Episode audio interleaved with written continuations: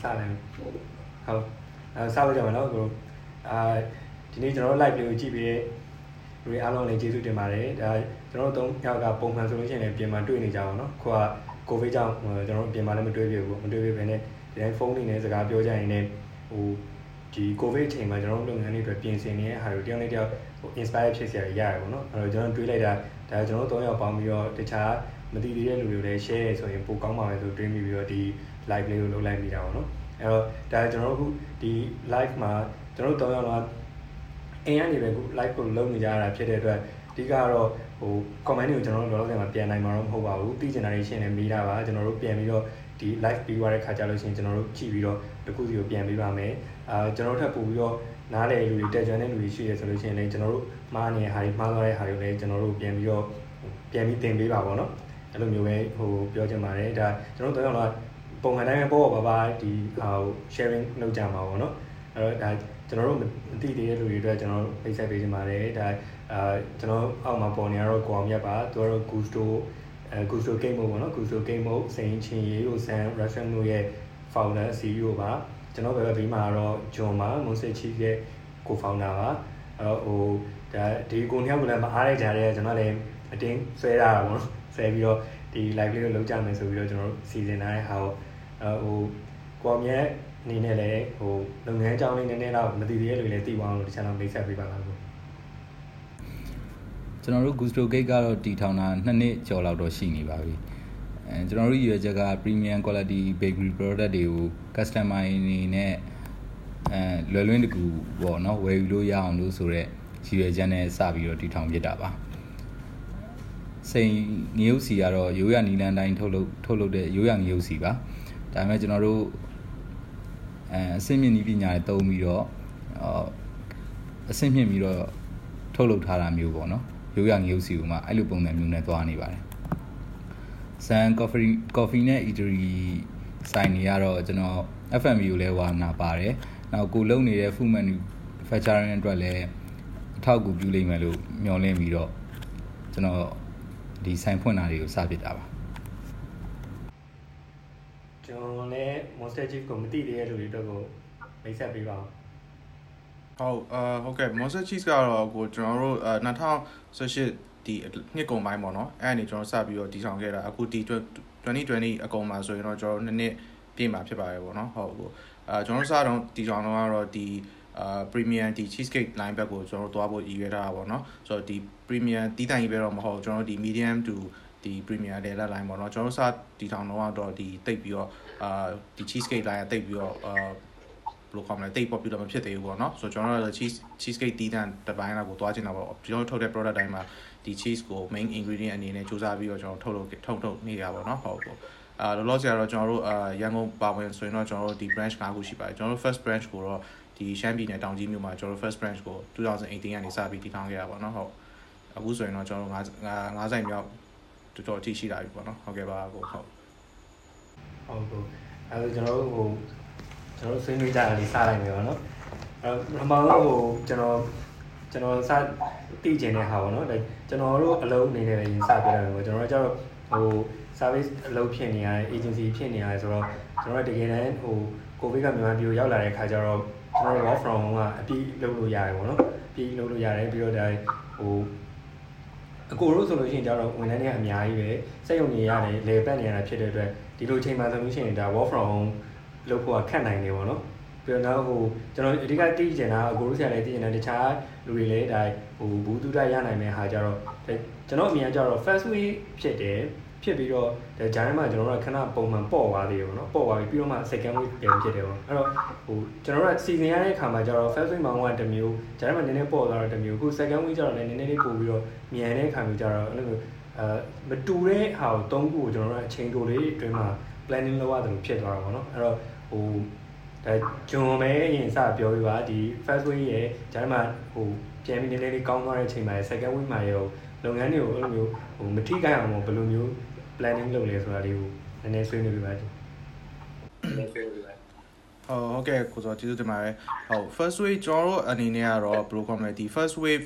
အာနဲ့ second wave ရဲ့ဒီအဓိကကျွန်တော်ပြောချင်တဲ့အပိုင်းကတော့ဒီကွာခြားကွာဘာတွေကွာခြားလဲပေါ့နော်ကျွန်တော်ဖြတ်တန်းလာတဲ့ဒီ first နဲ့ second wave covid ကြာမှာအာ first wave ကတော့အားလုံးသိတဲ့အတိုင်းကျွန်တော်တို့အာပြင်ဆင်မှုတော့အနေငယ်တော့ရခဲ့ရပေါ့ကျွန်တော်တို့အနေနဲ့ပြောရမယ်ဆိုဘာလို့ဆိုကျွန်တော်တို့ကအာဒီ90%လောက်ကကျွန်တော်တို့ကဒီ retail retail ဒီ F&B retail တက်လိုက်အောင်သွားတာပေါ့နော် ဆိုတော့ခုနကကျွန်တော်ပြောခဲ့သလိုပဲကျွန်တော်တို့ဒီဆိုင်ခွဲတွေအများကြီးကလည်းတော်တော်များများလည်းအကုန်လုံးရန်ကုန်မှာဖွင့်တာများတယ်အဲတောင်ကြီးတစ်ဆိုင်ပဲကျွန်တော်တို့ဒီနေဆိုင်တစ်ဆိုင်ရှိရပါတော့ဆိုတော့အာပထမ first week မှာကျွန်တော်တို့ဒါပေမဲ့လည်းကျွန်တော်တို့ရဲ့ဒီ first week ဖြစ်တဲ့အချိန်မှာစဖြစ်တဲ့ဒီ match လာအကုန်နောက်ဆုံးတစ်ပတ်တော့ပေါ့နော်ပြောရမယ်ဆိုအဲ့ကနေစပြောမေလာအကုန်လုံးမှာစပြီးတော့ first week ဖြစ်တယ်ဆိုတော့အဲ့မှာ first ကျွန်တော်အထီးအနာဆုံးအများဆုံးတော့ကျွန်တော်တို့ရဲ့ဒီ one of the branch ဖြစ်တဲ့ဒီရန်ကုန်လေဆိပ်က branch ပေါ့နော် ဆိုဘာလို့ဆိုတော့ကျွန်တော်တို့ကအဓိကလေဆိပ်မှာ branch ကဘာဖြစ်လို့လဲဆိုတော့ तू ကဒီအခီးတဲ့ဝင်ထွက်အများဆုံးလည်းဖြစ်တယ်နောက်ပြီးတော့ကျွန်တော်တို့ဒီအစိုးရဘိုင်းကနေပြီးတော့ဒီ regulation စပြီးတော့သတ်မှတ်လိုက်တဲ့အချိန်မှာကျွန်တော်တို့ဒီနေ့စာထုတ်မနေ့ပြန်စာပိတ်ဆိုတဲ့ပုံစံမျိုးမှာကျွန်တော်ဒီဒီဒီကျွန်တော်တို့ရဲ့8 branch ကတော့အထိနာဆုံးပါကျန်တဲ့ကျွန်တော်တို့ဒီ shopping outlet တွေ JC တို့ကျွန်တော်တို့ဒီအာပင်လုံစေးရုံတို့ဒါကျွန်တော်တို့ဒီအများဆုံးတခြားအများဆုံးနေနဲ့သက်ဆိုင်တဲ့ဟာတွေကကြတော့ဘယ် လိုခေါ်မလဲသူတို့ရဲ့အသီးသီးအာထပ်ထုတ်တဲ့ဒီ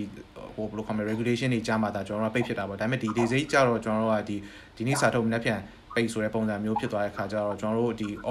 operation တစ်ခုလုံး run တဲ့အချိန်မှာနည်းနည်းအထိပုံနာရပေါ့နော်ဒါကတော့ကျွန်တော်ဖြစ်ခဲ့တွေ့တွေ့ကြုံလေးပေါ့အာဘာဖြစ်လို့လဲဆိုတော့ကျွန်တော်တို့ဒီ day စိဆိုင်ရတဲ့ one of the ကျွန်တော်တို့ဒီရောင်းအကောင်းဆုံးထဲမှာ top ထဲမှာပါတဲ့ထဲမှာပါတယ်ပေါ့နော်ဆိုတော့အဲ့ဒါကြောင့်မလို့လဲဟိုဖြစ်တယ်အာပြီးတော့ကျွန်တော်တို့ဒီ ဒီအချိန်မှာ March April May 3လအပြီးဒီကျွန်တော်မေလအကုန်လောက်မှာပြန်ကောင်းကာစားဒီ regular လေးဖြစ်ဖို့အတွက်ကျွန်တော်စူးစမ်းနေတဲ့ကာလမှာပဲဒီကျွန်မေလအကုန်ကျွန်လဇန်လောက်မှာပြုံးဆိုပြီးတော့ကျွန်တော်တို့ဒီ second wave ကြီးရတယ်ဒီဖြစ်လာတယ်ပေါ့နော် second wave နဲ့ first wave ကမတူတဲ့အချက်တစ်ချက်ကပါတယ်ဆိုတော့ကျွန်တော်တို့က first wave အပြီးမှာကျွန်တော်တို့ဒီကျင့်သုံးခဲ့တဲ့ဒီတခြားဒီဒီ training ဘိုင်းတို့နောက်ဒီကျွန်တော်တို့ HR ဘိုင်းဟာလေးကျွန်တော်တို့ဒီ internet decision ချပြီးတော့သုံးခဲ့မိတာလေးတွေလည်းရှိရပေါ့နော်ဆိုတော့အဲ့ဒါလေးတွေကိုကျွန်တော်အာဘယ်လိုခေါ်မလဲခဏနေကြိုင်တဲ့ထပ်ရှင်းပြပါမယ်ဆိုတော့အဲ့ဒါလေးတွေကတော့ကျွန်တော်တို့ သုံးခဲ့မိရဲ့အတွက်ကြောင့်မလို့ဒီ second wave မှာတော့ကျွန်တော်တို့ကအရန်ကြီးအထိနာခဲ့တာမျိုးတော့မရှိဘူးဒါပေမဲ့ဘယ်လိုခေါ်မလဲအရှိန်တစ်ခုရနေတဲ့ဟာကိုအာပြုံးဆိုပြတ်သွားတဲ့အဲ့အဲ့လိုမျိုးဟာလေးတော့ရှိတာပေါ့ဟိုဘယ်လိုခေါ်မလဲဒီကျွန်တော်တို့အာကျွန်တော်တို့ရဲ့ဒီ sacrifice လုပ်ရတဲ့အပိုင်းလေးတွေရှိခဲ့တယ်ဒါပေမဲ့ကျွန်တော်တို့ overall ဒီ business ကြီးကိုပြန်ကြည့်မယ်ဆိုရင်တော့ကျွန်တော်တို့က first week မှာခုနကျွန်တော်ပြောခဲ့တဲ့ကျွန်တော်တို့ decision ချခဲ့တာမှန်သွားတာဖြစ်တဲ့အတွက်ကြောင့်မလို့တချို့ဟာတွေတော့ကိုထိမ့်သိမ့်ထိမ့်သိမ့်သိမ့်လေးနဲ့ကျွန်တော်တို့ operation ဆက်သွားနိုင်ခဲ့တယ်ပေါ့နော်ဟုတ်အဲ့လိုလေးတော့ကျွန်တော်သုံးသပ်မိပါတယ်ဒီ first wave နဲ့ second wave အ ကြားမှာပေါ့နော်ဟုတ်ကဲ့ခင်ဗျဟုတ်အဲဟိုကျွန်တော်ပြောနေမှာကျွန်တော်ပြန်ပြီးတော့ကျွန်တော်အလုံးနဲ့တွဲပြီးတော့ပြန်သတိထားမိတဲ့ဟာပေါ့နော်ကျွန်တော်တို့ဆိုလို့ရှိရင်ကြတော့ဒါဟို first wave စခါတော့မြန်မာပြည် match မှာအဲဒါ covid စရောက်လာတယ်ပေါ့ရောက်လာတဲ့အချိန်မှာကျတော့ဘယ်လိုဖြစ်လဲဆိုတော့ဒီ match April လောက်မှာကျတော့အကုန်လုံးကလေတုံတန်ကကွာ virus တွေတွေကကဘာမှာဖြစ်လဲကျွန်တော်တို့တိုင်းပြည်ရောက်တယ်နဲတယ်ပေါ့နဲတာနေခုတကယ်တမ်းကျတော့ covid ကိုလည်းအဲ့လိုပဲမရောက်လာဘူးလို့ထင်တာရနေပြီးတော့တကယ်လည်းရောက်လာတဲ့အခါကျတော့ ဟိုလုပ်ငန်းတော်တော်များများကျွန်တော်တို့ကဒါ service company ဖြစ်နေတဲ့အတွက်လုပ်ငန်းတွေနဲ့တွဲလုပ်ရတာပေါ့နော်အဲ့တော့လုပ်ငန်းတော်တော်များများ first week မှာကျတော့ဟိုစဖြစ်ခါတော့မှဝုန်းလို့ကြောက်ပြီးတော့အကုန်လုံးရက်လိုက်ကြတယ်ပေါ့ရက်လိုက်တဲ့လူတွေရှိတယ်ပေါ့နော်ရက်လိုက်တယ်ပြီးတော့မှဒါဟိုဘလိုပဲဖြစ်ဒီဟာပြန်ပြီးတော့လုပ်ငန်းတွေကတော့မဖြစ်မနေလေပတ်မှာပဲဆိုတိလာပြီးတော့ဖြည်းဖြည်းပြီးပြန်ပြီးတော့လေပတ်ကြရပေါ့လေပတ်ပြီးပြီးတော့ဒါအလင်ပါဆုံးအနေနဲ့ပြန်ပြီးတော့တက်တာသွားတယ်အလုပ်တွေလည်းပြန်အဆင်ပြေလာတယ်တကယ်နဲ့ second wave လည်းရောက်လာတော့ second wave မှာက ပိုပြီး virus ကပုံမြန်လာတော့မှန်တယ်လူတွေအများကြီးပိုပြီးတော့ဖြစ်လာတော့မှန်တယ်ဒါပေမဲ့လုပ်ငန်းတွေကြတော့ထူးဆန်းလာ second wave မှာကျွန်တော်တို့အဲ့လိုဒီဟိုကိုဗစ်ကြောင့်ပေါ့နော်အလုပ်နားမယ်လို့ဘာလို့ဆိုတာမျိုးဖြစ်လာတာမျိုးတော့မရှိဘူးပေါ့ဟို match April လောက်မှာရှိခဲ့ပြီးတော့အဲ့အနေနဲ့ပြန်ပြီးတော့စားလို့လာကြတဲ့လူတွေဒီ second wave ပြင်းမိမယ်လေ second wave မှာလည်းအကုန်လုံးတော့ပုံမှန်တိုင်းပဲဆက်ပြီးတော့လဲပတ်နေတော့ပေါ့နော်ဒါတော့ကျွန်တော်တို့ service အနေနဲ့ပေါ့ service အနေနဲ့ဆိုတော့ covid စကားစားနေမှာပဲဟို တုံဆိုင်သွားတာတခုရှိတယ်ဟိုလုပ်ငန်းတွေပေါ့လေကျွန်တော်မြင်ကြတော့အကုန်လုံးကလည်းအိစကားစားနေမှာပဲတစ်ချက်လန့်သွားတယ်လို့မြင်တယ်ပေါ့နော်ပြီးတော့နည်းနည်းလေးပို့ပြီးတော့အဲလုံနိုင်တဲ့ဟာလေးကိုပုံမြင်လာကြအောင်လည်းပါမယ်ထင်တယ် second wave မှာတော့အရင်ဟိုထူးဆန်းသွားတာတော့မရှိဘူးပေါ့နော်ဒါကတော့ဟိုကျွန်တော်တို့ agency အနေနဲ့တွေ့ရတဲ့ဟာပေါ့ကော်မြန်တို့ဆိုလို့ရှိရင်ရောဒီ first wave နဲ့ second wave အပြောင်းလဲလေးမှာဘယ်လိုမျိုးတွေပြင်ဆင်နေရလဲပေါ့နော် ကျွန်တော်တို့ကြတော့ကိုယ် first wave မှာကအဲ့လောက်ကြီးအဲ့လောက်ကြီးတော့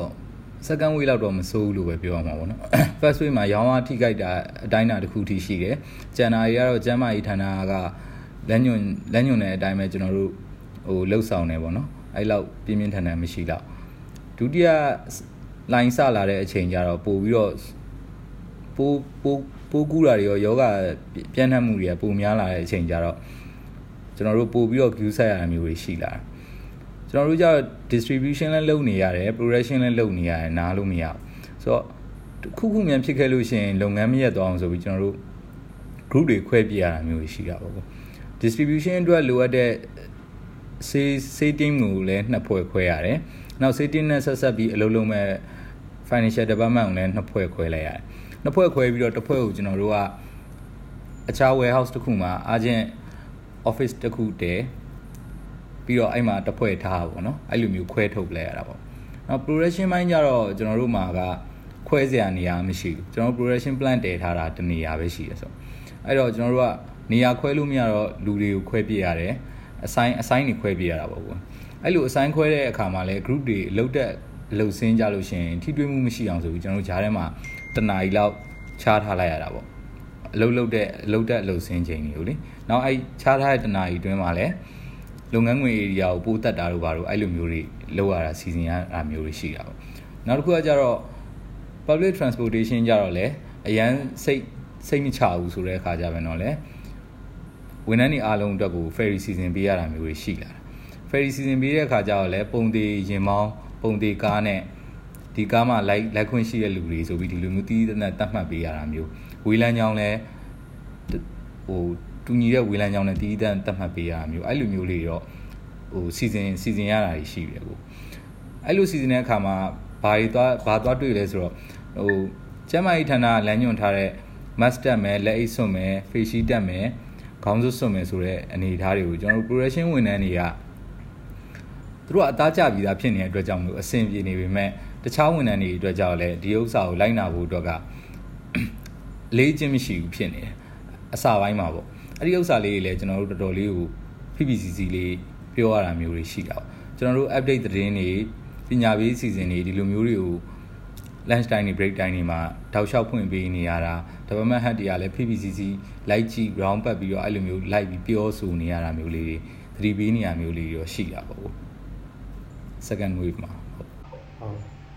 အဲဟိုကျွန်တော်ဘာတော့တွေးလိုက်လဲဆိုတော့အကိုတို့ နှစ်ယောက်လုံးရဲ့အလုပ်ဆိုလို့ရှိရင်ကျတော့ work from home အတွက်ကတော့ခက်မှာပေါ့နော်ခက်ပြီးတော့တကယ်လည်းလုပ်ငန်းခွင်တွေအကုန်လုံးတော့ဝင်ပြီးတော့လုပ်နေကြရတာပဲပြီးတော့နောက်တစ်ခုကောင်းတာကြောင့်ကျွန်တော်တို့ကျတော့ work from home ရသွားတယ်ပေါ့နော်လုပ်လို့တော့ရတယ်ရနေဆိုပေမဲ့လည်းခုနကလိုဒါဟိုဝန်ထမ်းတွေဘက်ကလည်း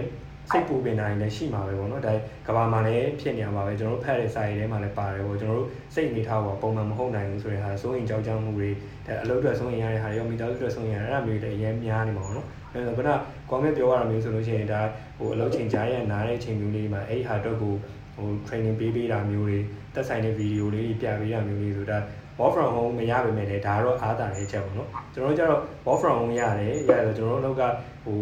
work from home အပြည့်လုပ်လို့ရနေရဲ့အလုပ်ပေါ့နော်ငကိုတွေကလည်းကျွန်တော်တို့ကဒီဟို file တွေလွှဲတာဘာညာတာကားစားအကုန်လုံးက online ပေါ်ပဲသွားရတာဟို Tuesday ဆိုရင် project management Tuesday တုံးတာဖြစ်တဲ့အတွက်ငကိုတွေကလည်းရုံးမှာတူတူရှိနေတယ်ဆိုရင်လည်းကိုယ့်အလုပ်ကဘာဆိုတဲ့ဟာ ဒီ Tuesday ကနေပဲကြည့်ပြီးတော့အာဒီနေ့တော့ဒါတော့မယ်ဒီနေ့တော့ဒါတော့မယ်ဆိုတော့ကိုယ်ဆိုင်အောင်ကိုတာဝန်ယူပြီးတော့လုပ်သွားကြတော့အဲ့တော့တကယ်တော့ work from home ဖြစ်သွားတော့လေတိတ်တော့ထူးထူးခြားခြားဟိုထိခိုက်သွားတော့မရှိဘူးပေါ့နော်ဒါပေမဲ့ဟိုကျွန်တော်တို့စုပြီးတော့ brainstorming လုပ်ကြတဲ့အခါမျိုးတွေပါတယ်အဲ့ဒီဟာတွေမှာတော့နည်းနည်းလေးတော့ gap ဖြစ်သွားတော့ပေါ့ဒါအခုနားထောင်နေတဲ့လူတွေအကုန်လုံးလည်းဒီဟာကြုံမှုမှာပါ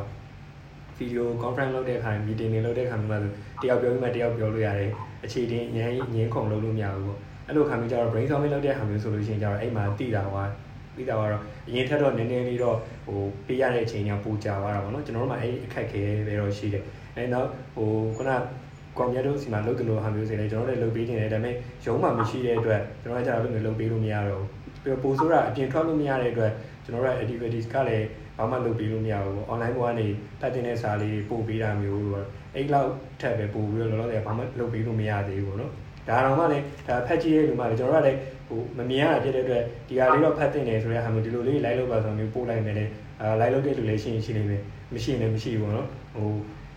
ဒါတော့ကျွန်တော်လည်းမမြင်ရတဲ့ဟာဆိုတော့မသိဘူးပေါ့ဒါတော့ကျွန်တော် work from home လုပ်တဲ့ဟာမှာလုပ်တဲ့ဆိုပြီးမယ်အဲ့ဒီဟာတွေကတော့နည်းနည်းလေးတော့အဲခက်ခဲရပေါ့နော်ကျွန်တော်တို့အတွက်ကတော့အဲဂျွန်တို့ဆိုရင်ရောဘယ်လိုရှိနေလဲဂျွန်တို့ကျတော့ဟိုကွန်ပျူတာကျတော့ distribution လုပ်နေရတယ်ဖြစ်တဲ့အတွက် distribution ဘိုင်းကိုလည်း ion ဆိုင်ရတယ်ပေါ့ဂျွန်တို့ကျတော့ outlet တွေကနေ sale ကို focus လုပ်ကြတာပေါ့နော်အဲ့တော့အဲ manage လုပ်ပုံကတော့ မတူဘူးထင်တယ်ကျွန်တော်တို့နဲ့တော့ဟုတ်ဟုတ်ကဲ့ဟို အာခုနကိုအောင်မြတ်ကောဒီကိုစောခုနပြောတဲ့ဟာပေါ့နော်မှန်ပါတယ်ဟိုကိုအောင်မြတ်တို့ကြတော့ခုနပြောသူဒီ production ရော distribution ဘက်ရောတပြိုင်တည်းလုပ်ခဲ့လုပ်လုပ်နေတာပေါ့နော်လက်ရှိအာနောက်ကိုစောတို့ကြတော့လည်းငကိုရဲဟိုဟာဒီ second wave post second wave သဘောမျိုးတော့အကိုတို့ကကြတော့ဒီသွားနေ trend သွားနေတဲ့ trend ကရောက်နေပြီပေါ့နော်ဘာလို့တော်တော်များများ90%လောက်ကကိုတို့ကဒီ cloud တွေပါသုံးပြီးလုပ်တယ်ဆိုတော့ဟိုကျွန်တော်တို့ကြတော့အကိုဘယ်လိုမျိုးလဲဆိုတော့ခုနကျွန်တော်ပြောသလိုပေါ့ first wave အပြီးလောက်မှာကျွန်တော်တို့ကဒီအာ production production ကတော့သွားနေပြီပဲလေကျွန်တော်တို့ရဲ့ဒီ outlet တွေကတစ်ခုပြီးတစ်ခုဒီ branches တွေကတစ်ခုပြီးတစ်ခုကျွန်တော်တို့ကအာသူတို့ရဲ့ restriction တွေအရာရလိုက်ရတယ်ဆိုတော့အဲ့မှာကျွန်တော်တို့ကဘာဘာကိုသွားပြီးတော့ adopt လုပ်လိုက်လဲဆိုတော့ဒီ online online promotion ဘက်ကိုကျွန်တော်တို့သွားမယ်ပေါ့နော် online promotion သွားမယ်ဆိုတော့ဒီ first wave အပြီးအာဒီမေဂျွန်လာဒီ second wave အစမှာပြန်ဖွင့်တာနေစပြီးတော့ကျွန်တော်တို့ကဒီ factory factory factory ကနေပြီးတော့ online direct မှာတဲ့အစီအစဉ်ပေါ့နော်ဆိုတော့အဲ့ဒီအစီအစဉ်ကိုကျွန်တော်တို့ introduce လုပ်ခဲ့တယ်အဲအဲ့ဒီမှာတော်တော်များများကလည်းကျွန်တော်တို့ဒီ ဖြစ်ဖြစ်ချင်တော့ဒီတောင်ကြီးဆိုင်လွယ်ပြီးတော့ရန်ကုန်ဆိုင်အကုန်လုံးဒီ၄ဆိုင်ကျွန်တော် outlet ၄ခုတော်တော်ပိတ်လိုက်ရတဲ့အချိန် temporary ပိတ်လိုက်ရတဲ့အချိန်တွေဖြစ်သွားတာနဲ့သွားကြုံတော့ဗောနော်သွားကြုံတော့ကျွန်တော်တို့ခုနပြောတဲ့ဒီ online factory direct sale လေးကိုကျွန်တော် introduce လုပ်တာနဲ့အချိန်နဲ့သွားပြီးတော့သွားကြိုက်မိရဖြစ်ဖြစ်သွားတာပေါ့ဆိုတော့ကျွန်တော်တို့ကြတော့အဲ့မှာ distribution တော့မဟုတ်ဘူးကျွန်တော်တို့ကဒီ third party ဒီကျွန်တော်တို့ဘယ်လိုခေါ်မလဲ delivery တွေကိုပေါ့နော်ဆိုတော့ကျွန်တော်တို့အဲ့အရာတွေကလည်းသူတို့ကကျွန်တော်စက်ရုံကိုတော့ကျွန်တော်တို့လာယူဟိုလာယူဖို့တော့အဆင်မပြေဘူးပေါ့နော်လာယူဖို့လည်းကျွန်တော်တို့ကလည်းအသုံးဟိုမဖြတ်ချဒီဒီကျွန်တော်တို့ utilization မှာအသုံးမချထားဘူးဘာဖြစ်လို့လဲဆိုတော့ကျွန်တော်တို့ခုန online ကနေကျွန်တော်တို့ကိုယ်တိုင်ဒီ delivery service ကို introduce လုပ်တယ်အဲ့မှာဘာလို့တခါရဲ prevent လုပ်ပြီးသားဖြစ်သွားတယ်ဆိုတော့ခုနပြောသလိုပေါ့ကျွန်တော်တို့ဝန်ထမ်းတွေဘက်ကပြန်ကြည့်လို့ရှိရင်လည်းကျွန်တော်တို့ဝန်ထမ်းတော်တော်များများတော့ကျွန်တော်တို့ဒီစက်ရုံမှာပဲဒီသူတို့ဟိုအဆောင်သဘောမျိုးပေါ့နော်ဆိုစက်ရုံကလည်းအဲ့မှာပဲဝန်ထမ်းတွေကလည်းဒီ compound တစ်ခုထဲမှာပဲနေတဲ့ဖြစ်တဲ့ကြောင့်သူတို့ဘက်ကပြန်ကြည့်လို့ရှိရင်လည်းဒီ third party delivery ကလာလို့ရှိရင်အဲ့ကနေ exposure ကူးဖို့ risk ကအရန်များတယ်ပြောလို့ရှိရင်100%လောက်ကိုဖြစ်တာပေါ့နော်ဆိုတော့အဲ့လိုမဟုတ်ဘဲနဲ့ခုနကျွန်တော်ပြောသလိုကျွန်တော်တို့ရဲ့ဒီ own delivery ခုနဒီ car တစ်စီး car တစ်စီးဆိုတဲ့တစ်စီးနှစ်စီးဆိုတဲ့တစ်စီးကျွန်တော်တို့ delivery ကားကိုသတ်မှတ်ထားမယ်ပြီးလို့ရှိရင်လည်းကျွန်တော်တို့ customer နဲ့ထိတွေ့ရတဲ့အခါကျရင်သူနဲ့ ဒီ exposure အနည်းနိုင်ဆုံးအနေအဥမာကျွန်တော်တို့အဲ့မှာတွေးဖို့ကကြတော့ delivery ပေးဖို့ရယ်နောက်တစ်ခုကကြတော့ payment ကိစ္စပေါ့နော်ဆိုတော့အဲ့နှစ်ခုပဲကျွန်တော်တို့ကဒီ customer နဲ့တွေးဖို့ထိတွေ့ဖို့ရှိရဆို payment ကိုလည်းကျွန်တော်တို့ကဒီ cashless payment ကိုတခါလေး introduce တခါလေးလုပ်ထားတာပေါ့နော် online နေဒါပေမဲ့လည်းတချို့ဒီ special request တွေအရာသူတို့ cash ပဲပေးခြင်းပါတယ်ဆိုရင်တော့ဒါကတော့ကျွန်တော်တို့စီစစ်ပြီးတော့ကျွန်တော်ဒီ helper တယောက်ထည့်ပေးလိုက်ပြီး helper နေမှာတစ်စင် helper နဲ့ပဲသူကထိတွေ့ဖို့ပေါ့နော်မဟုတ်ရင်တော့ကျွန်တော်တို့သူ့ပစ္စည်းပေးပစ္စည်းပေးပြီးတော့ဒီ receipt ပေးတာဆိုပြီးပြီ ဒီကျွန်တော် payment ဘိုင်းကတော့ online အားလုံး online base ပဲတွားရဆိုတော့ဒီအတွက်ကတော့ကျွန်တော်စိတ်ပူစရာမရှိဘူးပေါ့နော်ဆိုတော့အဲခုနကကျွန်တော်ပြောသလိုအဲ့မှာလည်းဒီအဲ့လိုဒီတတ်မှတ်ဒီဟိုဟာ risk ကို short ချလိုက်ခြင်းအပြင်ကျွန်တော်တို့ဒီကျွန်တော်တို့ရဲ့ဒီ factory ဘိုင်းကျွန်တော်တို့ရဲ့ဒီ employee ဘိုင်း ဘိုင်းနေနဲ့ဒီ customer ဘိုင်းတွေရဲ့ထိတွေ့မှုကိုကျွန်တော်တို့ပြောမယ်ဆိုရင်80%လောက်ကိုကျွန်တော် short ချ80% 90%လောက်ကို short ချလိုက်နိုင်တဲ့သဘောမျိုးဖြစ်သွားတာပေါ့နော်ဆိုတော့အဲ့ဒါလည်း second wave အတွက်အရင်ထောက်ကူဖြစ်ပါတယ်ဘာဖြစ်လို့လဲဆိုတော့ကျွန်တော်တို့ကဒီကိုပိုင် delivery ကိုကျင့်သုံးလိုက်တဲ့အတွက်ကြောင့်ပေါ့နော်ဆိုတော့အဲ့ဒါလေးကိုကျွန်တော်တို့လည်းဟိုဟာဖြစ်ပြီးတော့ဒီခုရှေ့ဆက်သွားဖို့ကလည်းဒီ post second wave ပဲဖြစ်ဖြစ်နောက်ပိုင်းကျွန်တော်တို့ဒီ online ဒီ large order တွေဒီဒီ massive order တွေကျွန်တော်တို့အခုဆို donation plan donation plan တွေနောက်တခြားဒီ catering plan တွေမှာလည်းကျွန်တော်တို့ကကိုပိုင် ဖြစ်နိုင်တတ်နိုင်သမျှကိုပိုင်မဲ့ကျွန်တော်တို့ဒီစီစဉ်ပြီးတော့ဒီ service ကို provide လုပ်ပေးမယ်ပေါ့နော်အဲ့လိုတော့ကျွန်တော်တို့သတ်မှတ်ထားတယ်ပေါ့ဒါပေမဲ့လည်းအခုဒီဒီ October 12ရက်နေ့ပေါ်စပြီးတော့ကျွန်တော်တို့ဒီ outlet နှစ်ခုပြန်ဖွင့်ပါတယ်ကျွန်တော် JC နဲ့ဒီဟိုဟာနောက်ပြီးတော့ဒီဟိုဟာပင်လုံစေးုံပေါ့နော်ဆိုတော့အဲ့နားတစ်ဝိုက်မှာသူတို့ရဲ့ဒီ radius ထဲမှာရှိတဲ့ဒီကျွန်တော်တို့ရဲ့ဒီအာ customer တွေကတော့သူတို့ကတော့ဒီ third party delivery ကနေပြန်ပြီးတော့မှာယူလို့တော့ရပါတယ်ဒါကတော့ကျွန်တော် အခု line join နဲ့လည်းတစ်ခါပြောပြောပြပေးပါပေါ့နော်။တော့ကျွန်တော်တို့ကလည်း delivery မှာအားနေတယ်ကျွန်တော်တို့ factory ကိုယ်တိုင် direct delivery လုပ်တယ်ဆိုပေမဲ့လည်းဘယ်လိုခေါ်မလဲရန်ကုန်တမျိုးလုံးကြီး area ဒီမြို့နယ်ပေါင်း90ကျော် cover ဖြစ်ဖို့ကလည်းမဖြစ်နိုင်ဘူးကျွန်တော်တို့ဒီဘယ်လိုခေါ်မလဲပေးထားတဲ့အချိန်ပိုင်းတွေမှာပေါ့အားလုံးကဒီနေ့မှာဒီနေ့လိုချင်ကြရဆိုတော့ဘယ်လိုခေါ်မလဲဒါကတော့ကျွန်တော်တို့က change အနေနဲ့ပေါ့နော်ဆိုတော့ကျွန်တော်တို့အားကြောင့်ဒီ live play မှာကျွန်တော်တို့ live play မှာလည်းကျွန်တော်အမြဲပြောပါတယ်ဒီအာ ဒီနေ့မှာ next day delivery တော့ကျွန်တော်တို့ promise လုပ်ပေးရ next day တော့မဟုတ် second second next day ပေါ့နော်အဲ့ဒါဒီထက်ပိုပြီးတော့ကျွန်တော်တို့ဟိုဟာဖြစ်ရင်တော့လောလောဆယ်တော့ခုနကျွန်တော်ပြောဆို JC နဲ့ကျွန်တော်တို့ဒီပင်လုံကနေပြီးတော့တဆင့်ဒီ third party delivery ကနေပြီးတော့ကျွန်တော်တို့ယူနိုင်ပါတယ်ပေါ့နော်အဲ့ဒါကတော့ကျွန်တော်တို့ကဒီဘယ်လိုခေါ်မလဲကျွန်တော်တို့ exposure ကတော့ဒီ third party company နဲ့ customer ကြားပဲဖြစ်သွားတာပေါ့ကျွန်တော်တို့ ਨੇ တော့ဒီမဆိုင်တော့ဘူးဆိုပုံစံဖြစ်သွားပါပေါ့ကျွန်တော်တို့ကတော့အဲ့ရနေတဆင့်ပြန်ပြီးတော့ပြန်ပေးရဖြစ်တဲ့အတွက်ကြောင့်နည်းနည်းတော့ risk တော့တက်တာပါပေါ့နော်ဒါပေမဲ့ကျွန်တော်တို့စီကရ direct ပေးတဲ့ဟာတွေကတော့ကျွန်တော်တို့လုံးဝဒါဘယ်လိုခေါ်မလဲ exposure ကို လုံးဝ short ချပြီးတော့ဒီ risk ကိုလည်း minimum ဖြစ်အောင်လုပ်ထားပါတယ်ဟုတ်အဲ့ဒီကတော့ကျွန်တော်ကျွန်တော်ဘက်က close operation လေးပေါ့အခုဟုတ်အခုနောက်တစ်ခုပေါ့နော်ဒါလုပ်ငန်းရှင်တိုင်းဒီအချိန်မှာတော့ကြုံနေမဲ့ဟာပေါ့ကျွန်တော်တို့အာပုံမှန်တော့ဝင်ငွေနည်းသွားတာပေါ့နော် revenue ကတော့နည်းသွားကြတာပေါ့အကုန်လုံးအဲဒီအချိန်မှာတော့ဒါကျွန်တော်တို့က operation တွေကို cover ဖြစ်အောင်ဘယ်လိုလုပ်ကြလဲပေါ့နော်ဘယ်လိုလုပ်ကြလဲဆိုတာဟိုမျိုးစုံတော့ရှိကြပါတယ်မျိုးစုံရှိတယ်တချို့ကလည်းဟိုဝင်နေ short ကြတယ် တချို့ကကြတော့လည်းဒါ salary တွေဟို percentage တွေနဲ့ short ပြီးပေးကြရပေါ့နော်အဲ့လိုမျိုးရှိရမှာအကိုတို့ဆိုလည်းဒါဝန်ထမ်းတွေဟာအများကြီးပေါ့အများကြီးဆိုတော့အဲဒီကကွန်မြတ်ပေါ့နော်ကွန်မြတ်တော့အရင် share ပေးပါလားကွန်မြတ်တို့ဆိုလည်းဒါစိတ်ရောလည်းနှစ်ယုံတော့ restaurant တစ်ခုလည်းရှိတယ်ဆိုတော့ဒီလောက်ဝန်ထမ်းတွေအများကြီးကိုဒီလို revenue ရော့သွားတဲ့အချိန်မှာ operation ဘယ်လိုဆက်ပြီးလုပ်လဲပေါ့နော်အဲ့ဒီအပိုင်းကတော့ကိုကျွန်တော်တို့ကြောက်လဲဝန်ထမ်း short ဖို့အတွက်ကို စဉ်းစားဖို့တိတ်အဆင်မပြေဘူး first week မှာတော့ sign တွေဘက်ကတော့ဝန်ထမ်း short တာတွေတော့ရှိတယ်ကိုဒါပေမဲ့ဒီ progression ပိုင်းမှာကြာပြန်တော့လဲကျွန်တော်တို့ကအ assign နေရခွဲရတယ်အချိန်နေရလဲဂျားထဲမှာ save ဖြစ်အောင်အချိန်နေလဲပေးလိုက် progression မလုပ်ဘဲနဲ့ပေးလိုက်ရတာမျိုးတွေရှိတယ် assign ခွဲတဲ့ခါကျလူတွေရော့ပြီးတော့ productivity ရော့တာတွေလည်းရှိတယ်ဆိုတော့ကျွန်တော်တို့က progression အတွက်ကိုတော့လူ short ဖို့အဆင်မပြေပြန် distribution ဘိုင်းအတွက်ကြပြန်တော့ short မယ်စဉ်းစားပြန်တော့လေကျွန်တော်တို့က web market ကိုအဓိကထားပြီးသွားနေရည်လည်းရှိတယ် modern trade ကိုအဓိကထားပြီးသွားနေရလည်းရှိတယ် web market မှာဘာဖြစ်လာလဲဆိုတော့နောက်ပိုင်းမှာဟိုစိုင်နေရကိုနေတဝက်လောက်ပဲဖွင့်တဲ့အနေအထားကြီးဖြစ်လာဒီဝေးပြေယူနေတဝက်ထဲနဲ့ကျွန်တော်တို့လူရှိပြီးသားဝေးပြေကိုလူလျှော့ပြီးတော့သွားဖို့ဆိုတာအရင်တော့ကတနေ့လုံးချိန်ရတယ်ဆိုရင်တော့ဖြစ်နိုင်ဖြစ်ကောင်းဖြစ်နိုင်နိုင်မယ်ဒါပေမဲ့နေတဝက်ထဲမှာတော့စိုင်က 12နာရီကျော်ရင်ပိတ်ပြီဆိုတော့စိုင်တွေကကို customer တွေကပိတ်တော့မှာဆိုတော့ဒါကိုအလင်းမီအောင်ပေးနေရတဲ့အနေထားမှာကျွန်တော်တို့ distribution လုပ်ဖို့ကလူ short ဖို့ဆိုတာမဖြစ်နိုင်ဘူးဖြစ်ပြန်တာပေါ့နော်အဲအဲအဲ့လိုမျိုးတွေလူ short ဖို့တော့အခက်ခဲရှိလာတယ်ပေါ့နောက်ဟို second way ကြမှာပို့ပြီးတော့ဟိုဂျုံတွေ့လာတဲ့အခက်ခဲမျိုးတွေကဘယ်လိုလဲဆိုဟိုဝန်ထမ်းတွေကအလုပ်ကိုလာဖို့အတွက်ကိုပါခဲရင်လာတယ်ကျွန်တော်လည်းတဖြည်းဖြည်းနဲ့ကျွန်တော်လည်းမြင်လာတယ်အစင်တိတ် မပြေကြတော့ဘူးပေါ့နော်အဲပထမဆုံးပထမဆုံးဖီယာကမိသားစုကအရင်စဆိုတော့မိသားစုကနင်တို့အလုပ်ကမနာသေးဘူးလားဒါမှမဟုတ်အင်အားလုပ်လို့မရဘူးလားဘယ်တော့ဘယ်လောက်ထိသွားနေအောင်မှလဲအပြင်မှာယောဂကြီးဒီလောက်ဖြစ်နေပြီဒီလိုမျိုးမိသားစုကဖီယာပေးရမျိုးရှိလာအိမ်မှာကလေးတွေရှိတယ်တက်ကြီးရွယ်ဦးတွေရှိတယ်ဒီလိုမျိုးလေးတွေဖြစ်လာပြီအဲကိုကိုတိုင်းဆိုလို့ရှိရင်လည်းအိမ်ရအိုက်တိုင်းပဲအဲ မသွားလို့မရဘူးလားလိုအပ်မှသွားလိပါဒီလိုမျိုးပေါ့ဒါပေမဲ့မသွားလို့မမရပဲလीเนาะကျွန်တော်တို့လူကြီးပိုင်းနေရာမှာယုံမှမှန်လို့ရှိရင်နောက်ကကလေးတွေကပို့ပြီးတော့လောကကန်ရတာအားပြတ်မှာပေါ့နော်အဲ့ဒါမိသားစုကတခုသူတို့အလုပ်ဆက်လုပ်ဖို့အတွက်ကိုဖြစ်နေတဲ့ပြဿနာနောက်တစ်ခုကျပတ်ဝန်းကျင်ပေါ့နော်ပတ်ဝန်းကျင်ဆိုလမ်းထဲမှာဆိုလဲအားလုံးကမျက်စိထောက်ထောက်ကြည့်နေဟောဒီတယောက်ကုမ္ပဏီမှာအလုပ်လုပ်နေတော့မယ် तू ကသွားနေတော့မယ် तू ယောဂပိုးဖြန့်နိုင်မလားနောက် အိမ်မှာဆိုလဲတိုက်မှာဆိုလဲတိုက်မှာလျောက်အာဒီတိုက်မှာဒီခန်းလူကတော့ခဏခဏနှိတိုင်းထွက်နေတာပဲငါတို့အတွက်တော့ तू ကစိုးရင်ကြပဲဆိုတော့ဒီလိုမျိုး PR တွေကခံစားလာတာပေါ့နော်အလုပ်ကိုလာဖို့ကျွန်တော်မှဟိုမိတ်ဆွေဆိုလို့ရှိရင်လည်းတချို့ဆိုကျွန်တော်စီဖုန်းဆက်ပြီးမေးတာကြီးပြောရရှိတယ်မင်းလောက်ကလဲနေတော့လားမနာသေးဘူးလား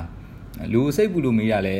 အဲရှိကောင်းရှိလိမ့်မယ်သတိထားအောင်ဘာဖြစ်တယ်ညာဖြစ်တယ်အဲ ဒါပေမဲ့တခါကြောက်လဲအာလောဘကြီးကြီးရှာနေရလားဆိုပုံစံအမှန်ကကျွန်တော်တို့ကတိုင်ပတ်နေကျွန်တော်တို့ကရက်လိုက်လို့လည်းမဖြစ်ဘူးအရှုံးခံပြီးတော့လည်းလဲနေရတိုင်ပတ်နေဒါပေမဲ့အဲ့ဒီအနေထားမှာဟိုဘယ်လိုပြောမလဲကျွန်တော်တို့ကဟိုအပြစ်ရှိတယ်လို့မျိုးဖြစ်နေတာပေါ့နော်အဲကလေးတွေလည်းဈေးကွက်သွားရင်အဲ့ပြဿနာရှိတယ်မိသားစုကပတ်ဝန်းကျင်ကဖြေအားပေးရရှိတယ်အဲ့တော့ကျွန်တော်တို့ကအဲ့အချိန်မှာကြတော့ကိုယ်ဟို စိတ်ပိုင်းဆိုင်ရာကြံ့ခိုင်မှုထက်ကိုကျွန်တော်တို့ကနှလုံးသားပိုင်းဆိုင်ရာကြံ့ခိုင်မှုကိုပို့ပြီးတော့လိုအပ်လာတယ်လို့မြင်တယ်ပေါ့နော်ဝင်ငွေအတွက်အလုံးမပြုတ်ဖို့အတွက်အလုံးလုံးနေတယ်အဲဆိုတာမျိုးထက်ကိုအဲ့ဒီအလုံးမမှီခုနေတဲ့လူတွေအားလုံးအတွက်ဒီလုပ်ငန်းရက်သွားလို့မဖြစ်ဘူးကိုကိုတိုင်းလည်းဒီလိုပဲတွေးတယ်လीဆိုတော့လုပ်ငန်းရက်သွားလို့မဖြစ်ဘူးအဲလုပ်ငန်းရက်သွားရင်ဒုက္ခရောက်မဲ့အနေအထားတွေအဆင်မပြေမှုတွေအများကြီးဖြစ်နိုင်တယ်အားလုံးအတွက်ငါတို့ကဒီလိုမျိုး ဒီအချိန်တွေမှာတော့မှပဲဒီ industry ကိုရွေးချယ်မိပြီးတော့ဒီလိုမျိုးစွန့်စားစားအလုပ်တွေလုပ်နေရပါလားဆိုတာမျိုးပေါ့နော်အဲ့လိုမျိုးခံယူချက်နဲ့တော့ဟိုကျွန်တော်တို့ကသွားတယ်အားလုံးကလည်းဒီလိုမျိုးလေးဖြစ်အောင်တော့ဟိုဟာဖြစ်တယ်အဲတခါလေးကြောက်လည်းအလုပ်လုပ်ရတာဟို private ဆန်ဆန်လုပ်ရတဲ့သဘောမျိုးလည်းဖြစ်ဖြစ်လာတာမျိုးလည်းရှိတယ်ဆိုတော့အဲ့လိုမျိုးလေးတော့ကြုံကြုံတွေ့ရပါတယ်ကိုဂျွန်တို့ရောဘယ်လိုမျိုးတွေလုပ်ဖြစ်နေလဲဂျုံอืม ဟုတ်ကိုဟိုခုနကိုအောင်မြတ်ပြောတာလည်းမှန်ပါတယ်ကိုတော်တော်များများကဒီ first wave မှာတိတ်မထိတာဘူးဆိုပေမဲ့ဒီ second wave မှာတော့တော်တော်ဘယ်လိုခေါ်မလဲရေရှည်ကိုစဉ်းစားရတဲ့အခါကျတော့ဒီထည့်ပြီးတော့စဉ်းစားမဲ့ factors တွေရတယ်အရင်ဟိုတဖြည်းဖြည်းပိုများလာပါပေါ့နော်ခုနပြောသူဘေးပတ်ဝန်းကျင်ရဲ့ pressure မိသားစု pressure တွေလည်းများတာပေါ့နော်ဟုတ်ကျွန်တော်တို့ကကြတော့အခုပထမကျွန်တော်ဒီ intro မှာလည်းကျွန်တော်တစ်ချက်တော့ခုနပြောခဲ့ ပြောခဲ့မိပါတယ်။ဗာလဲဆိုတော့ကျွန်တော်တို့ဒီ first wave အပြီးမှာကျွန်တော်တို့ဒီ internet decision လေးပေါ့နော်ကျွန်တော်တို့ review လုပ်ပြီးတဲ့ဒီကျွန်တော်တို့အချင်းချင်း review လုပ်ပြီးတဲ့အချိန်မှာကျွန်တော်ချခဲ့တဲ့ဒီ decision လေးတစ်ခုကကံကောင်းထောက်မှစွာနဲ့ပေါ့နော်မှန်သွားရပေါ့နော်ဆိုတော့အဲ့ဒါတော့ကျွန်တော်တို့ဗာလဲဆိုတော့ဒီ training ဘိုင်းနဲ့ဒီ HR ဘိုင်းနဲ့ပတ်သက်ပြီးတော့ပေါ့နော်ဆိုတော့ကျွန်တော်တို့ကတော့ပထမကခုနကျွန်တော်ပြောသလိုဒီကျွန်တော်တို့ branch တွေအားလုံးက fully operation ဒီ covid မတိုင်ခင်နဲ့စနေတာပေါ့နော်အဲ့မှာဒီ first wave အပြီး first wave အစလောက်မှာပေါ့အပြီးတော့မဟုတ်ဘူးဒီ first wave အစလောက်မှာကျွန်တော်တို့ကဒီ pro computer ဓာကြီးကိုအာ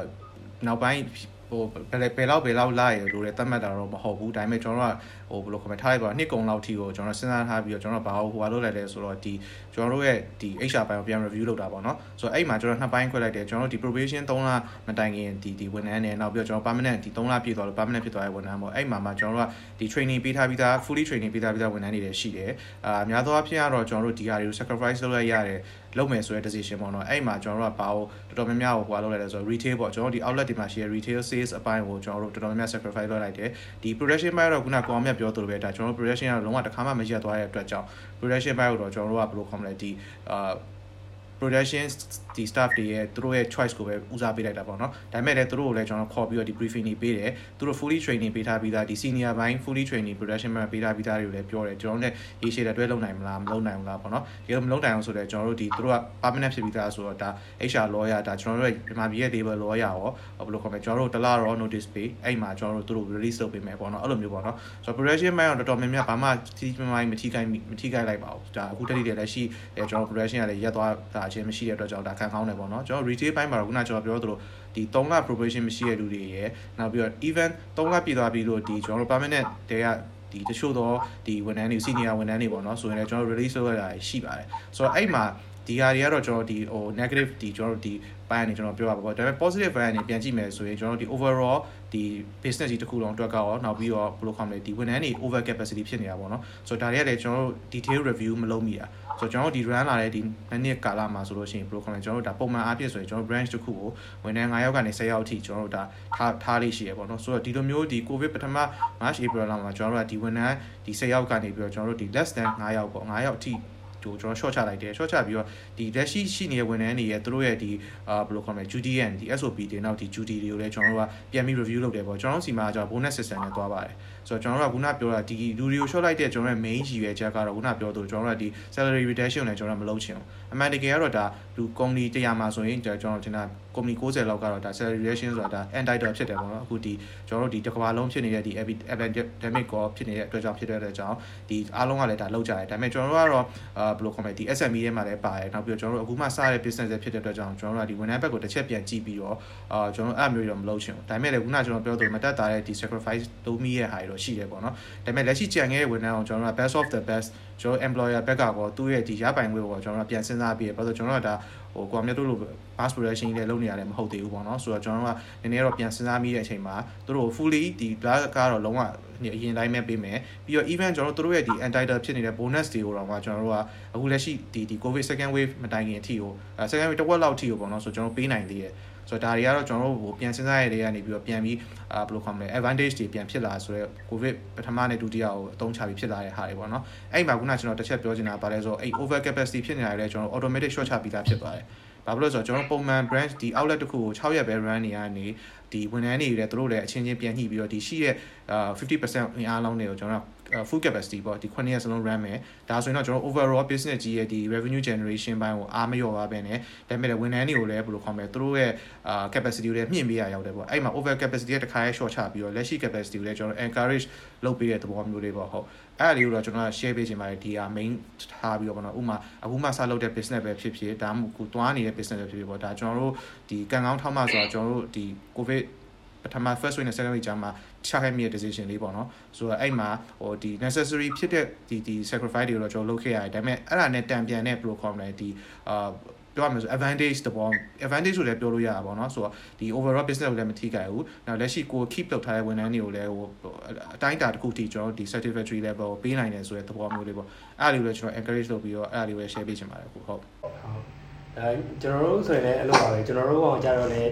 ကျွန်တော်တခုရှိသွားတာကျွန်တော်ကိုဗစ်ဒီကိုမရောက်ခင်2ရက်လောက်လို့ပေါ့နော်မမတ်ရပဲကျွန်တော်အာတရုံလုံးကိုခေါ်တယ်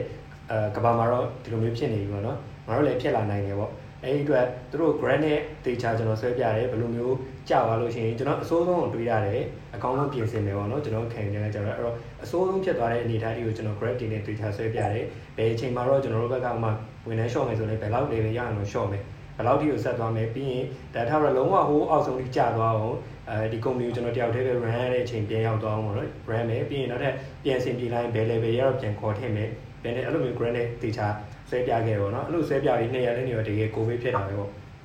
ဖြစ်ပြီးတော့ကျွန်တော်တို့ payment နေပါတယ်ဆိုလေကျွန်တော်တို့တခုနည်းနည်းလေးရှိသွားတာတော့ဒါဝင်ဝင်နေသွားတဲ့အချိန်မှာခုနကဆိုဒီ covid စားရောက်လာတဲ့အချိန်မှာဝင်တာနဲ့အဲတချို့ brand တွေကလန့်ပြီးတော့ဘာမှမလုပ်ပြီးပဲနဲ့ခဏရလိုက်တာရှိတာပေါ့နော် marketing တွေပါ short ချလိုက်တာပေါ့အဲ့တော့ အဲကျွန်တော်တို့က match နဲ့ April လောက်ကကျွန်တော်တို့ကနည်းနည်းရသေးတယ်ရဆိုတော့ကျွန်တော်တို့ကဒီလုပ်ငန်းတွေရဲ့ credit တန်းရကျွန်တော်တို့ပတ်စံရရကြံနေရတာရှိသေးရပါတော့။စားထီကတော့ match နဲ့ April မှာစားထီပြီးပေါ့။အဲ့ဒီဟာကြံနေသေးရဆိုအဲ့ဒီပတ်စံလေးနေတော့ကျွန်တော်တို့လာကောက် match April မှာအပြည့်ပေးနိုင်ခဲ့။ပြီးတော့အဲ့နောက်လာတွေမှာတော့ကျွန်တော်တို့3လလားမသိဘူးအာ20% short ချလိုက်တယ်ပေါ့နော်။လာကောက်20%ထိ short ချလိုက်တယ်ဒါအားလုံးကလည်းသဘောတူတယ်ဒါကျွန်တော်လည်းဟို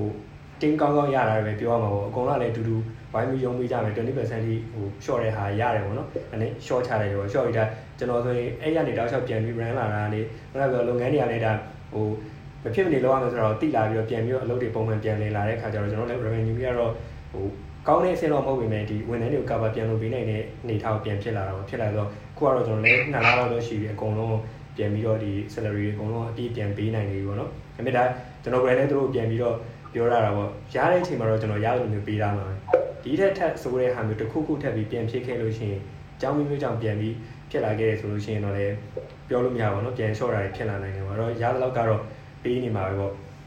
တို့ဆိုဒါအခုကျွန်တော်တို့ဟို second wave မစခင်တလလောက်ကလာကအပြည့်ပြန်ရကြပါဘူးအဲ့ပြီးလဲပြီးတော့ second wave ကရောက်လာတော့အကုန်လုံးအဲ့ချိန်မှာတော့လန့်နေသေးတယ်ပြန်ရောတော့မယ်ထင်တယ်ပေါ့နော်ဒါပေမဲ့ဟိုခုနကပထမတစ်ခေါက်ကတော့လုပ်ငန်းတွေကတော့အရင်ကြောက်ပြီးနောက်ဆုတ်သွားတာမဟုတ်တဲ့အတွက် ကျွန်တော်တို့အရင်အဲ့ချိန်မှာမထိလိုက်ဘူးမထိရတဲ့ခုချိန်ထိလဲကျွန်တော်တို့ကဒါအပြည့်ပြန်ပြီးတော့ပေးထားနိုင်နေပြီပေါ့နော်ဒါကျွန်တော်ကြုံတွေ့ရတဲ့ဟာပေါ့ကျွန်တော်တို့ industry တခုလုံးကလည်းအဲ့လိုမျိုးပဲဖြစ်နေမယ်လို့တော့ထင်ပါတယ် service ဖြစ်နေတဲ့အတွက်အကုန်လုံးကလည်းဟိုအိမ်မှာအလုပ်လုပ်လို့ရနေတော့ productivity ကလည်းရှိနေတော့ပေါ့အလုပ်တွေကလည်နေတဲ့ပုံစံတိုင်းဖြစ်နေသေးအောင်အဲ့ဒီအတွက်လည်းရနေတာပေါ့နော်ဟိုတချို့လုံးဝရက်လိုက်ရတဲ့အလုပ်တွေလည်းရှိပါလိမ့်မယ် work from home နဲ့ရဘလို့မှဘာမှလုပ်လို့မရပဲရက်လိုက်ရတဲ့အလုပ်တွေလည်းရှိမှာပေါ့နော်အဲ ဟိုကျွန်တော်ရဲ့ industry ကတော့နည်းနည်းလေးတော့ပိုပြီးကံကောင်းနေတဲ့ industry လို့ပဲပြောရမှာပေါ့ဟုတ်တွေ့တာဟိုကျွန်တော်တို့ဒါဝင်ငွေတွေအကြောင်းပြောနေရင်တော့ဒီလောက်လူတွေအများကြီးပေါ့နော်ကော်မြတ်တို့ဘာလို့ဆိုလို့ရှိရင်လည်းဒါဝင်ငွေနည်းသွားတဲ့အခါမှာအဲချင်းငွေပဲယူပြသေးလားပေါ့အဲကျွန်တော်တို့ပေါ့နော်ယူပြသေးလားပေါ့ယူပြီးတော့ဘယ်လိုမျိုးလုပ်ဖြစ်လဲပေါ့ဟိုကျွန်တော်တို့ကတော့ကျွန်တော်တို့ service ဖြစ်နေတဲ့အတွက်ကြတော့ဒီရအတွက်လုပ်ပြီးပြီးပါလို့ရှိရင်လာကုန်လောက်နေနောက်ဆုံး credit တန်းရနောက်တစ်လနှစ်လနေဒီ service ကြီးကတော့ကျွန်တော်တို့ရမှာပေါ့နော် production ကြတော့ကြိုစိုက်ထားတာတော့အကိုတို့အကုန်လုံးတော့တေးကြတယ်ဒါအကုန်လုံးကဂျိုးဆိုင်ပြီးတော့လှုပ်ထားတဲ့ဟာတွေဆိုတော့ဒီလိုအခက်အခဲမျိုးမှာအဲချင်းငွေတွေယူပြသေးလားပေါ့ဒါမှမဟုတ်လေကိုယ့်ကိုယ်ပဲ share ရတဲ့အနေနဲ့ထပ်ပြီးတော့ထည့်ပြီးတော့ဟိုလုပ်ငန်းကိုဆက်ပြီးတောင်းခံလားပေါ့နော်ချင်းငွေလည်းယူသေးတယ်ချင်းငွေကျွန်တော်ရချင်းငွေရလိုက်ပါတယ်ချင်းငွေကကျွန်တော်တို့လစာ3လစာရှင်းမှုအတွက်ပေးတာမျိုးပေါ့နော်လစာ3လစာကို ကိုယ်မှရှိတဲ့ဝန်ထမ်းလစာ3လစာကိုဆိုရချီးပေးတဲ့သဘောပေါ့တုံဆွဲခွင့်ကတော့တစ်နှစ်ရှိတာပေါ့တစ်နှစ်ပြည့်သွားလို့ရှိရင်တော့ပြန်ဆက်ရမယ်နော်ဟုတ်အဲ့ဒီမှာလည်းတချို့တွေဆိုရင်ချင်းငွေရဖို့ခတ်တယ်အဲတင်ရတာအဆင်မပြေဘူးတင်ပေးလို့တင်လို့ရှိရင်လည်းနည်းနည်းပဲရတယ်ပေါ့နော်အဲအဲ့လိုမျိုးလေးတွေအဲ့လိုမျိုးလေးတွေကြားလာရတာနည်းနည်းရိုက်ခတ်တာလေးတွေတော့လည်းကျွန်တော်တွေ့ပါတယ်ဟိုကိုကတော့ရရရခဲ့တဲ့လူဆိုတော့လေဟို ဘန်ချင်းငွေလျှောက်ဘူးတဲ့ဘန်ချင်းငွေလျှောက်ဘူးတဲ့လုပ်ငန်းရှင်တွေအတွက်ဆိုရင်တော့အဆင်ပြေမှာပါလို့နောက်ကျွန်တော်တို့ကဟိုကိုယ့်ကိုယ့်ရဲ့ထိခိုက်နေတာမှုကိုစင်းစရာနဲ့တေချာပြပြနိုင်ရမှာပေါ့နော်နောက်ပြီးတော့ဘလို့ပြန်ဆက်မှာလဲပေါ့ပုံမှန်လေပတ်မှုပြန်ရတဲ့အခါမှာဘလို့အမျက်ဆုံးရှိလို့ဘလို့ပြန်ဆက်မှာလဲဆိုတာပေါ့ဒါလေးကိုတဲတဲကွယ်ကွယ်စင်းစရာနဲ့တေချာတင်ပြနိုင်လို့ရှိရင်တော့ရမှာပါဟိုဟို နောက်စင်းစရာနဲ့တင်ပြရဲဆိုတဲ့အနေထားမှာလည်းအဲ့ဒီနောက်မှာအခွန်ဆောင်ထားတဲ့အတိုင်းအတာတွေတို့ registration လုပ်ထားတဲ့စာဝတ်စာတမ်းပိုင်းတို့ဒါတွေလည်းပြည်စုံဖို့လည်းလိုမယ်ထင်ပါတယ်တခုပဲရှိတာပေါ့နော်ကျွန်တော်တို့ကဟိုဒီချင်းငွေကိုသုံးဖို့ကတစ်နှစ်ရှိတာပေါ့နော်ဒါပေမဲ့အခု convert ဖြစ်နေတဲ့ကိုဗစ်ဖြစ်နေတာပဲ9လ10လဖြစ်နေပြီအဲနောက်ထပ်လည်းဘယ်လောက်ဖြစ်အောင်လဲမသိဘူးဆိုတော့ကျွန်တော်တို့မှာ အဲတစ်နှစ်သုံးခွင့်ပေးထားရင်ပဲတကယ်တကယ်တစ်နှစ်သုံးခွင့်တစ်နှစ်တစ်နှစ်တွင်းမှာပြန်ရှာပြီးဆက်ခွင့်ပေးပေမဲ့တစ်နှစ်တော့ရှာဖို့အချိန်မရှိဘူးပေါ့နော်အဲဒါကတော့လည်းအဆင်ပြေလို့ရှိရင်တော့လည်းဒီချင်းငွေတက်တန်လေး extension တိုးပြီးတိုးတိုးပြီးနိုင်ရင်တော့လည်းအဆင်ပြေတာပေါ့ဟုတ်ဒါဆိုဟိုတစ်နှစ်တစ်နှစ်ဟုတ်တစ်နှစ်တွင်းမှာဟိုပြန်ရှာပြီးပေးရမယ်လို့သတ်မှတ်ထားသလိုဖြစ်နေအောင်ပေါ့နော်ဒါပေမဲ့ခုကိုဗစ်ကပဲ9လ10လဖြစ်နေရဆိုတော့အဲဘယ်လိုပြောရမလဲ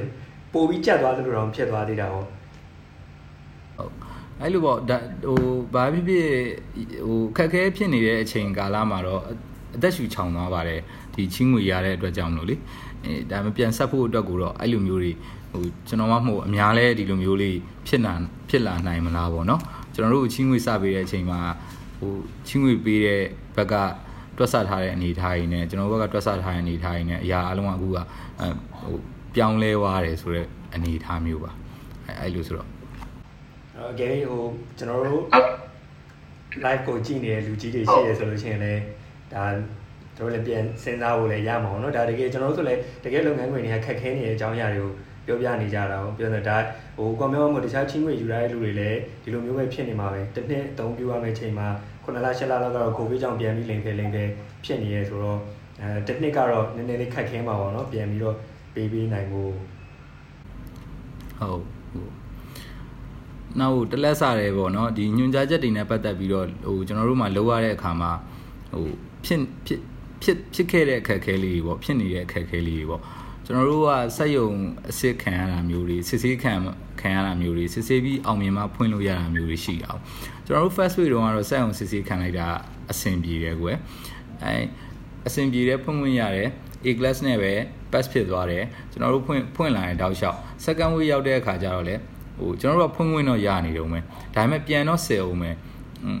တစ်ဖက်မှာကြာမယ်တော့လေစစ်ပြီးမှဖွင့်အစ်စ်ပြီးတော့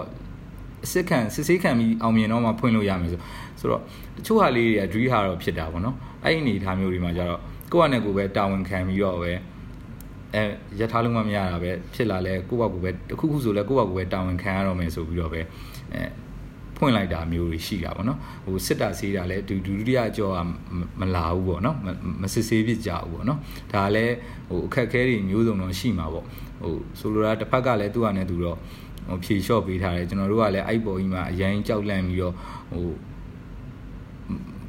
မလုံတင်တာကိုမလုံမိလိုက်မှမျိုးတွေပေါ့နော်အဲအဲ့အဲ့ဒီအနေထားပေါ်မူတည်ကိုယ့်ဘာကိုတောင်းခံပြီးလုံတင်တယ်ဆိုတာမျိုးတွေပါနောက်နောက်တစ်ခုကြပြန်တော့ဟို မြို့နယ်တွေစီမီလော့ဒေါင်းလုပ်တဲ့အချိန်ခါမှာလမ်းနေရပိတ်ပိတ်ကုန်ကြတာပေါ့နော်လမ်းနေရပိတ်တယ်ကျွန်တော်တို့ delivery သွားမဲ့ way ကားတွေဆိုလို့ရှိရင်လို့ရှိရင်အရန်တတိထားကြီးမှာတဲ့လမ်းမှာရှိတဲ့ရက်ကွက်မှာရှိတဲ့ volunteer တွေနဲ့အဲဟိုစစ်ဆေးတဲ့အခါတွေဘာတွေမှာကြောက်ကစားမဖြစ်ဖို့အတွက်ဟိုပုတ်တိုင်းမဖြစ်ဖို့အတွက်ကို တေချာမှားတာမျိုးလေးရှိတယ်အဲ့ဒီအခက်ခဲလေးတွေလည်းရှိတာပေါ့နောက်တစ်ခုကစက်အောင်ဖွင့်ခွင့်တော့ရသွားပြီစက်အောင်ဖွင့်ခွင့်ရပြီကျွန်တော်တို့စက်အောင်လည်းလဲခွင့်ရနေတယ်ဒါပေမဲ့ supplier တွေကကျွန်တော်တို့စီပစ္စည်းလာပို့လို့မရဘူးဆိုတော့ကျွန်တော်တို့ကဘယ်လောက်ကြာမှန်းမှန်းလည်းမသိဘူးဒါပေမဲ့ကျွန်တော်တို့ကဒီ raw material မလိုဘဲနဲ့ financial တွေသုံးပြီးတော့လှောင်ထားတာမျိုးတွေပစ္စည်းပြတ်သွားတာမျိုးတွေဟိုအသေးအတန်လိုက်ရှာတာမျိုးတွေပို့တဲ့လူတွေကလည်းအဲပစ္စည်းကိုခိုးထုတ်ပြီးခိုးပို့တာတွေဒါဒါတွေကရှိနေတာပဲလေသိရမလားအဲ့လိုမျိုးကြီးအဲ့လိုမျိုးတွေဖြစ်နေတာပေါ့နော်အဲဆိုတော့ they is အစင်မပြေတာမျိုးလေးပေါ့တချို့ဟာလေးကြာရင်လည်းကျွန်တော်တို့ဟိုစက်ုံလေခွင့်ပေးသွားပေးပြီးသွားပြီပဲဒီစက်ုံလေခွင့်ပေးပြီးမှတော့ ဒီစက်ရုံအတွက်လိုအပ်တဲ့ဒီကားဒီလိုလာဖို့ရှိရဆိုတော့ဒီစက်ရုံကပဲတာဝန်ခံပြီးတော့ထောက်ခံချက်ထုတ်ပေးတာမျိုးတကယ်တကယ်ဖြစ်တင်တာမျိုးပါလေဟိုပို့ပြီးတော့မြန်အဆင်ပြေမလားပေါ့နော်အဲအဲ့လိုမျိုးလေးလည်းမြင်မိပါတယ်အဲဒါပေမဲ့လည်းဟိုလေ့ဟာမှုတွေကတော့ရှိမှာပေါ့ကျွန်တော်တို့ကလည်းမမြင်ရတဲ့အရာတွေနဲ့စီမံနေရလို့ဖြစ်နေတာမမြင်ရတဲ့အရာတွေနဲ့တိုက်ခိုက်နေရဆိုဖြစ်တော့မြင်ကြတော့လေလေဟိုတချို့ဟာတွေကြတော့လေ ဘယ်လိုပြောအကုန်လုံးကဒီချိန်မှာတော့အလုံးရှုံနေကျွန်တော်တို့တော့ကျွန်တော်တို့လုပ်ငန်းတစ်ခုစီအတွက်ကို focus လုပ်ပြီးတော့ဟိုအလုပ်တွေရှုပ်နေရပါတော့။ဘာလို့မှမသိရဟာအများကြီးကျွန်တော် brand လေးလက်ဟာတွေအများကြီးပဲဒီလိုတိုင်းပြည်တစ်ခုလုံးဟာအတွက်လုပ်နေတဲ့လူမျိုးတွေဆိုတော့ပိုဆိုးလောက်တယ်ထင်တယ်ပေါ့နော်။သူတို့ကအများကြီးကိုကြည့်ရတော့ပြည်သူတွေပြည်ုံလုပ်ငန်းဆိုလေလုပ်ငန်းပေါင်းအများကြီးကိုကြည့်ရတဲ့ခါမှာကျတော့အဲ့လိုမျိုးလွတ်သွားတာလေးတော့ရှိမှာပေါ့နော် ရှိမယ်ဆိုတော့ဒါကကျွန်တော်ရှင်းမှပြောခဲ့သလိုပဲမျောလင်းပါလေကျွန်တော်တို့ဟာလေးကိုလည်းလူကြီးတယောက်မြင်သွားမယ်ဆိုလို့ရှိရင်လည်းဒီလိုမျိုးလေးတွေပြန်ပြီးစဉ်းစားလို့ရတာပေါ့နော်ခုနက comment ပြောဆိုစက်ရုံကြီးဖွင့်ခွင့်ရနေပြီစက်ရုံလာမဲ့ supply တွေကတော့အဲ့ဒါလေးတွေပါဟိုဖွင့်ပေးဖို့နီလန်းလေးတစ်ခုပေါ့အဲ့ဒီဟာတွေဝင်ဝင်ရဖို့အတွက်နီလန်းလေးတစ်ခုပေါ့အဲ့မျိုးလေးပါထပ်ဖြည့်ပြီးတော့ plus စဉ်းစားပြည့်ဆိုဒါပိုအဆင်ပြေသွားမှာပေါ့နော်အဲဟိုကျွန်တော်လည်းဟိုတခြားကျွန်တော်တို့လိုမျိုးလုပ်ငန်းရှင်တွေကိုစားခန့်ဟိုခက်ခဲဖြစ်နေတဲ့ လုပ်ငန်းရှင်တွေကိုစားတာကျွန်တော်တို့လည်းကျွန်တော်တို့ဖြစ်နေတဲ့ဟာလေးတွေကိုပြောပြတာပေါ့နော်အဲဟိုဟိုဂျွန်တို့ဆိုရင်ရောဘယ်လိုမျိုးရှိလဲပေါ့နော်စက်ရုံကဟုတ်ဟုတ်ကျွန်တော်တို့ကတော့အခုခုနအဲနှစ်ပိုင်းပေါ့နော်ခုနကောင်မြတ်ပြောသလိုဒီ အာကျွန်တော်တို့ဒီ operation နဲ့ပတ်သက်ပြီးတော့ကျွန်တော်တို့ကျွန်တော်လည်းပထမဒီချီးငွေကိစ္စကိုအာနည်းနည်းဟိုစုံစမ်းကြည့်သေးတယ်ပေါ့နော်ဒါပေမဲ့ဟိုကံကံမကောင်းစွာနဲ့ပဲကျွန်တော်တို့ကကျတော့ဒီ SMB ထဲမှာလည်းပါတယ်နောက်ပြီးတော့ကျွန်တော်တို့ဒီသူတို့ရဲ့ဒီဟိုတတ်မှတ်တတ်မှတ်ထားတဲ့ requirement ဒီနည်းနည်းမပြည့်သေးဘူးရဲ့အခါကျတော့ဒီဘယ်လိုခေါ်မလဲ eligible မဖြစ်လိုက်ဘူးပေါ့နော်ဆိုတော့ကျွန်တော်တို့ဒီ chain ဝင်ဆိုတော့ကျွန်တော်နောက်ပိုင်းဒီ future မှာတော့ကျွန်တော်တို့လည်းဒီဟာကျွန်တော်နှစ်နှစ်ပြည့်ပြီးတဲ့အခါကျရင်ဒီ service certain တွေကိုပြန်ပြီး review လုပ်ပြီးတော့ကျွန်တော်တို့ဒါ ပြန်ပြီးတော့ဟိုဘယ်လိုမလဲ apply ပြန်လုပ်ဖို့အစီအစဉ်ရှိရပေါ့နော်ဟုတ်အဲ့ဒါတစ်ပိုင်းနောက်တစ်ပိုင်းကတော့ခုနကျွန်တော်ပြောချင်တာဒီအာခုန supplier နဲ့ပတ်သက်ပြီးဟိုဟာဖြစ်တဲ့အခါကျတော့ဒါဟိုကျွန်တော်တို့လည်းဟိုကျွန်တော်တို့ brand နေတာ local brand မှာ100% local own ပေါ့နော်ဆိုတော့အဲ့မှာတော်တော်များများတော့ဒါကျွန်တော်တို့ franchise လို့ထင်ကြရပေါ့ဒီကလို့ဒါကျွန်တော်တို့ဒါ franchise ဟိုဟာဖြစ်လို့ရှိရင်တော့သူတို့ရဲ့ဒီသတ်မှတ်ထားတဲ့အာဟို requirement အနေညီပေါ့နော်သူတို့ဒီချမှတ်ထားတဲ့ဒီ franchisee ချမှတ်ထားတဲ့ requirement ညီကျွန်တော်တို့က ဒီသူတို့ရဲ့ပြောတဲ့ ingredient တွေတောင်းအောင်ပေါ့ဒါပေမဲ့ကျွန်တော်တို့အခုပြန်ပြီး ratio ပြန်ချရတော့ကျွန်တော်တို့ကအနည်းဆုံး ဒီ50 to 60%လောက်ကဒါကျွန်တော်တို့ local product တွေတုံးထားတာရယ်နောက်ပြီးတော့ကျွန်တော်တို့ရဲ့ဒီ main ingredient ဖြစ်တဲ့ဒီ cheese ဆိုပါတော့ဒီဟာတွေကိုပဲကျွန်တော်တို့ကဒီဒီ export product တုံးထားပါတော့အဲ့ဒါလည်းကျွန်တော်တို့ဒီလုံလောက်တဲ့ဒီဟို minimum amount ကိုကျွန်တော်တို့ဒီမှာအမြဲတမ်းဒီ storage ထားထားရပါတော့ဆိုတော့ဒီကျွန်တော်တို့တော်တော်များများတုံးရမဲ့ဒီ supplier တွေဟာတော့အာ supplier ကိုကျွန်တော်ဖြန့်ထားတဲ့အခါကျတော့ဘယ်လိုခေါ်မလဲဒူးမဟုတ်ဒူးစီကတော့ကျွန်တော်တို့အဆင်ပြေအဆင်ပြေလက်ရှိတဲ့အဆင်ပြေတယ်နောက်ဘယ်လိုခေါ်မလဲခုနကျွန်တော်ပြောသလိုပေါ့ဒီ60%လောက်ကိုကျွန်တော်တို့ဟို storage mass storage လည်းကျွန်တော်တို့မှာထားဖို့နေရတယ်မရှိဘူး capacity လည်းမရှိဘူးပေါ့နော်ဒါပေမဲ့လည်းကျွန်တော်တို့ခုနပြောသလိုအဲကန်ကောင်းထောက်မှသွားတာကျွန်တော်တို့ကဒီ50 to 60%လောက်ကဒီကျွန်တော်တို့ local product ကိုဒီတုံးတဲ့အတွက်ကြောင့်မို့လို့ဒီကျွန်တော်တို့ operation ဒီ main operation ဘိုင်းတော့အရန်ကြီးတော့ထိခိုက်ထိလာမှုတော့မရှိဘူးပေါ့နော်လောဆယ်ကတော့ကျွန်တော်တို့အဲ့ဒါတွေတခုတော့အာကန်ကောင်းသွားပြီပေါ့ပြောရမယ်ဆိုတော့ဟုတ်ခုနကကျွန်တော်ပြောသလိုဒီ channel ကျွန်တော်တို့ရဲ့ main ဟာကိုတော့ကျွန်တော်တို့အများအားဒီလိုအပ်တဲ့ minimum requirement အထိထားဖို့တော့ကျွန်တော်တို့ကဒီ storage ကိုလည်းကျွန်တော်ထားပါတယ်ကျွန်တော်စိတ်ဥပမာလည်းထားပါတယ် ဆိုတော့အဲ့ခါကျတော့ဒါကလည်းကျွန်တော် export ဖြစ်တဲ့အတွက်ကြောင့်မလို့အရင်ဒီခုနကကိုမြတ်ပြောသလိုအာဒီ local ဒီဒီ logistic ဘိုင်းမှာတော့နည်းနည်းတော့ဒါနည်းနည်းအရှုပ်ရှင်းတော့ကျွန်တော်တို့နည်းနည်းကင်ကီဟိုဟာ program နည်းနည်းကင်းသွားတာပေါ့နော်အဲ့လိုမျိုးပဲအဲ့ဒီတခုတော့ရှိတာပေါ့ဟုတ်ဒါကလည်းကျွန်တော်တို့ဟို program product nature မတူတဲ့အခါကျတော့ဒါဟိုဘာလို့မဆိုအားလုံးကလည်းကိုဒီမှာခက်ခဲမျိုးစုံနဲ့ကိုရှိကြမှာပဲကျွန်တော်ထက်ဒီ second wave ဆိုပို့ပြီးတော့တော့ဒါတည်တာပါသေးရယ်ပေါ့နော်ဟုတ်အဲ့လိုမျိုးလေးတော့ရှိပါတယ်ဟုတ်အဲ့ဒါတွေကတော့ကျွန်တော်ရဲ့ဒီ finding နှစ်ခုပေါ့ဟုတ်ဟုတ်ဟုတ် ဒါခုဒီဒီနေ့လည်းကျွန်တော်တယောက်တည်းဒါ service industry ရပေါ့ကျန်တာနေရာလုံးကဒါဟိုနေရာလုံးလည်းကိတ်မဟုတ်ပဲပေါ့နော်လောက်တာဒါပေမဲ့ထူးခြားတာကျတော့ပြန်ပြန် manage လုပ်ပုံလည်းမတူသလိုကြုံရတဲ့ခက်ခဲခြင်းလည်းမတူဘူးပေါ့နော်ဒါဟိုကြည့်တဲ့လူတွေအတွက်လည်းဒါတော်တော်အကျိုးရှိမယ်ထင်ပါတယ်ပုံမှန်အားဖြင့် basically တွေးရဆိုရင်ကြတော့လေကိတ်မုတ်လုံးနေရချင်းတူတယ်လို့ထင်ထင်ရနိုင်တယ်ဒါပေမဲ့တကယ်တော့ဟိုတော်တော်များများကိုပွဲတယ်ပေါ့နော် operation ရောသွားတဲ့ပုံစံရော manage လုပ်တဲ့ပုံစံရောဒါဟို ကျွန်တော်တို့ရှေ့မှာလည်းဒီတိုင်းကျွန်တော်တို့တွေ့တဲ့အချိန်တွေမှာလည်းကျွန်တော်ပြောနေတယ်လို့ပြောတယ်ကိုဗစ်ကကျွန်တော်တို့ဟိုအဖြေမရှိတဲ့ပုံစံကြီးကိုကျွန်တော်တို့ရဝိုင်းတွက်တယ်လို့ဖြစ်နေတယ်တင်လားအဲ့အချိန်မှာအကုန်လုံးကလည်းကိုယ့်အကိုကိုနားလေတယ်လို့မျိုးပြန်ပြီးတော့ဒီကိုဗစ်နဲ့အကောင်းဆုံးစီးပွားရေးကိုကျွန်တော်တို့ဘယ်လိုရက်တည်ကြမလဲဆိုတဲ့ဟာကိုလုပ်နေကြတာမြင်ရတာပေါ့နော်ဒါပို့ပြီးတော့အဲ့ဒါပဲကျွန်တော်ပို့စိတ်ဝင်စားရတဲ့ဟာနှစ်ယောက်လုံးကိန်းမို့လုပ်နေမယ်တကယ်လုံးက management ကွဲတယ်ပေါ့နော်သွားတဲ့ flow ကလည်းကွဲနေပါတော့အဲ့ဒီဟာပို့စိတ်ဝင်စားဖို့ကောင်းတယ်ပေါ့နားထောင်ရတာ ဟုတ်အဲ့တော့ဟိုခုကျွန်တော်တို့ဒါ new normal ပေါ့နော်ပြောနေကြပြီ new normal စပြီးတော့ဖြစ်လာကြပြီပေါ့ new normal ဖြစ်လာဆိုတော့ဒါအကိုတို့ဆိုလည်း SOP ပြောင်းလဲလည်းရှိနိုင်တယ်ဒါဟိုဝင်နေနေပတ်သက်လို့လည်း KPI ပြောင်းလဲရလည်းဖြစ်နိုင်တယ်ပေါ့နော်ရှိနိုင်တယ်ပေါ့နော်အဲ့လိုမျိုးလောက်ထားလာတော့အဲ့တော့ခု new normal လို့ပြောနေတဲ့ဟာကရောအကိုတို့အလုပ်တွေမှာရောတကယ် new normal အတိုင်းဖြစ်ပြီလားပေါ့ပြီးတော့ကျွန်တော်နောက်ထပ်ဟိုထပ်ပြီးကျင်တာတော့ခုချိန်မှာတော့ဟို new normal အတွက်ကိုကျွန်တော်တို့ကလောက်တာတော့လုပ်နေကြမှာပဲပေါ့နော်အကုန်လုံးကတော့ ဟိုအရင်ပုံမှန်နဲ့မတူတဲ့ management လုပ်တဲ့ဟာတွေပေါ့အဲကျွန်တော်ပိုစိတ်ဝင်စားတာကြတော့ new normal ဖြစ်အတွက်ကိုကျွန်တော်တို့က covid ပြီးသွားပြီဆိုရင် covid တကယ်ပြီးသွားရင်ပေါ့ဒီ new normal အတိုင်းပဲဆက်ပြီးတော့သွားမှာလား management ပုံစံတွေအစ်စ်ဖြစ်သွားမှာဒါမှမဟုတ်ဟိုအရင် covid မဖြစ်ခင်ကပုံစံမျိုးနဲ့ပဲဆက်ပြီးတော့လုပ်ငန်းတွေကိုလဲမှာလားပေါ့နော်ဒါဟိုကျွန်တော်သိချင်တဲ့ဟာပါအဲဂျွန်စပြီးပြောပြလားကျွန်တော် ဟုတ်အာဟုတ်ကိုဇော်ပြောတာမှန်ပါတယ်ဟိုက new normal အနေနဲ့တော့ခုနကျွန်တော်ပထမဒီဂျားမှာလည်းကျွန်တော်ပြောခဲ့တဲ့အတိုင်းပဲပေါ့နော်ဟိုကျွန်တော် comparison ဒီလုပ်ကြည့်တာပေါ့လောလောဆယ်ဒီမှာဆိုရင်ကိုစောတို့ဒီ industry ဆိုရင်ဒါဘယ်လိုခေါ်မလဲ new normal ကိုတော်တော်ထဲထဲဝင်ဝင်ရောက်နေပြီလို့လည်းပြောလို့ရတာပေါ့နော်ကျွန်တော်ပြောချင်တာဘာလို့အကိုတို့ငကိုရဲဟိုကဒါအကိုတို့ရဲ့ job industry nature ဟိုကအရာအကိုတို့ကဒီ online base ဆိုလည်းသုံးတယ်နောက်ဒီ cloud technology တွေဒီ tech high tech တွေလည်းကိုတို့ကသုံးနေပြီးသားလည်းဖြစ်တယ်ပေါ့နော်ဆိုတော့အဲ့တော့ကျွန်တော်ဒါပေမဲ့ကျွန်တော်တို့ဒီ FMB line နဲ့ဒီကိုအောင်မြတ်နဲ့ကျွန်တော်တို့ဆိုလည်း FMB line ကို ထဲထဲပုံပုံသုံးနေတဲ့အခါကျတော့ကျွန်တော်ပြန်စဉ်းစားမိတဲ့အခါကျတော့အာ new normal ကိုသွားဖို့อ่ะဟိုဘယ်လိုခေါ်မလဲကျွန်တော်ကဒီ step တစ်ခုကိုဖြတ်ကိုဖြတ်ဖြတ်ရမယ်အဆင့်တော့ဟိုရောက်ကိုရောက်မယ်ပေါ့နော်ကျွန်တော်ဒီ post covid ဒီ second wave မှာပေါ့အဲ့ဒါဒါကိုဘယ်လိုပြောချင်းအပြင်လဲဆိုတော့ဘယ်လိုခေါ်မလဲကျွန်တော်တို့ခုနပြောသလိုပေါ့ကျွန်တော်တို့ဒီ outlet တွေပဲကျွန်တော် business အနေနဲ့ဆိုရင် outlet တွေပဲရှင်ကြီးတဲ့အခါမှာ အာကျွန်တော်တို့က take away နဲ့ over the counter တစ်ဝက်နောက်တစ်ဝက်ကကျွန်တော် dining experience တစ်ဝက်ပေါ့နော်ဆိုတော့ဒီ dining experience ဆိုင်တွေကတော့တော်တော်များများတော့အခုကျွန်တော် temporary ပိတ်ထားရတယ်ပါတယ် permanent ပိတ်လိုက်ရတယ်ပါတယ်ဆိုတော့ဘယ်လိုခေါ်မလဲဒီ ဒီ new normal ကြီးစပြီးတော့တကယ်တကယ်ကျင့်သုံးပြီဆိုလို့ရှိရင်ကျွန်တော်ထင်တာအရန်ကြီးတော့ကျွန်တော် business ကို affect တော့မဖြစ်ဘူးပေါ့လောလောဆယ်ဘာလို့ဆိုတော့ငကိုတွေကကျွန်တော်တို့ကဒီ delivery နဲ့နောက်ပြီးတော့ဒီ online ဘက်ကိုသွားဖို့လဲကျွန်တော်ဒီရွေထားရပေါ့နော် post covid အပြီးမှာပေါ့အဲ့မှာဒီဒီဟာကိုဆက်ပြီးပြောမယ်ဆိုလို့ရှိရင်ကျွန်တော်တို့က new normal ထက်ကိုကျွန်တော်ကျွန်တော်အမြင်နဲ့ဆိုရင်တော့ဒါ new normal 50% another 50%တော့ကျွန်တော်တို့ဒီ new business development idea ပေါ့ဒီ BD idea အသစ်တစ်ခုကိုအာကျွန်တော်တို့စပြီး introduce အာလုပ် လုပ်နေရပေါ့နော်ဒါကတော့ခုနကျွန်တော်ပြောနေနေအခုတခါလေးတစ်ဆက်တည်းရှင်းပြချင်တာတော့ဗာလဲဆိုတော့ကျွန်တော်တို့ဒီ festival season ဒီသတင်းကြိုပေါ့အခုလက်ရှိဆိုရင်သတင်းကြိုရှိမယ်ပြီးရင်ကျွန်တော်ဒါပြီးတစ်စောင်းနိုင်ရှိမယ်ပြီး Christmas New Year ပြီးတော့ကျွန်တော်တရုတ် Chinese New Year ရှိမယ်ပြီးတော့မြန်မာ New Year ရှိမယ်ဆိုတော့အဲ့မှာဒီမှာကျွန်တော်တို့ကဒီ business development ကိုဘယ်လိုအနေနဲ့သွားချင်လဲဆိုတော့ကျွန်တော်တို့ပြီးခဲ့တဲ့နှစ်ကဆိုရင်ကျွန်တော်တို့ရဲ့ဒီ packaging လေးတွေကိုကျွန်တော်တို့ကဒီကျွန်တော်တို့ product ကိုပဲတီးတန့် promotion လုပ်ဖြစ်တယ်ပေါ့နော်ဒါပေမဲ့ဒီနှစ်မှာကျွန်တော်တို့ဒီ covid လည်းဖြစ်သွားတယ်နောက်ပြီးတော့ဒီ new normal ဟိုသွားမဲ့အခြေခံ first step အနေနဲ့ဘယ်လိုဖြစ်သွားလဲဆိုတော့ဒီကျွန်တော်တို့တခြား local product ဖြစ်တဲ့ကျွန်တော်ဒီ drink company တခုဖြစ်တဲ့ drink company ကလည်းကျွန်တော်တို့လာပြီးကမ်းလှမ်းတယ်ပေါ့ collaboration လုပ်ဖို့ဆိုတော့ကျွန်တော်တို့ဒီ package လေးမှာကျွန်တော်ဒီ drink company နဲ့လောလောဆယ်ဒီကျွန်တော်တို့ရဲ့ drink package လေးမှာအစမှာပေါ့နော်ကျွန်တော်တို့ဒီထည့်ဖြစ်တယ်ဒါကတော့ကျွန်တော်တို့ဟိုသူများ company ကိုကြော်ညာပေးရတယ်မဟုတ်ဘူးဘယ်လိုခေါ်မလဲကျွန်တော်တို့ရဲ့ဒီ collaboration ဒီဖြစ်ပုံသွားဖြစ်သွားဖြစ်သွားမိတဲ့ဒီ trend လေးကိုကျွန်တော်ရှင်းပြပေးချင်တာပေါ့နော်ဆိုတော့အလားတူပဲအာဒီသတင်းကျွတ်မှာစပြတဲ့အတွက်ကြောင့်ကျွန်တော်တို့ဒီ drink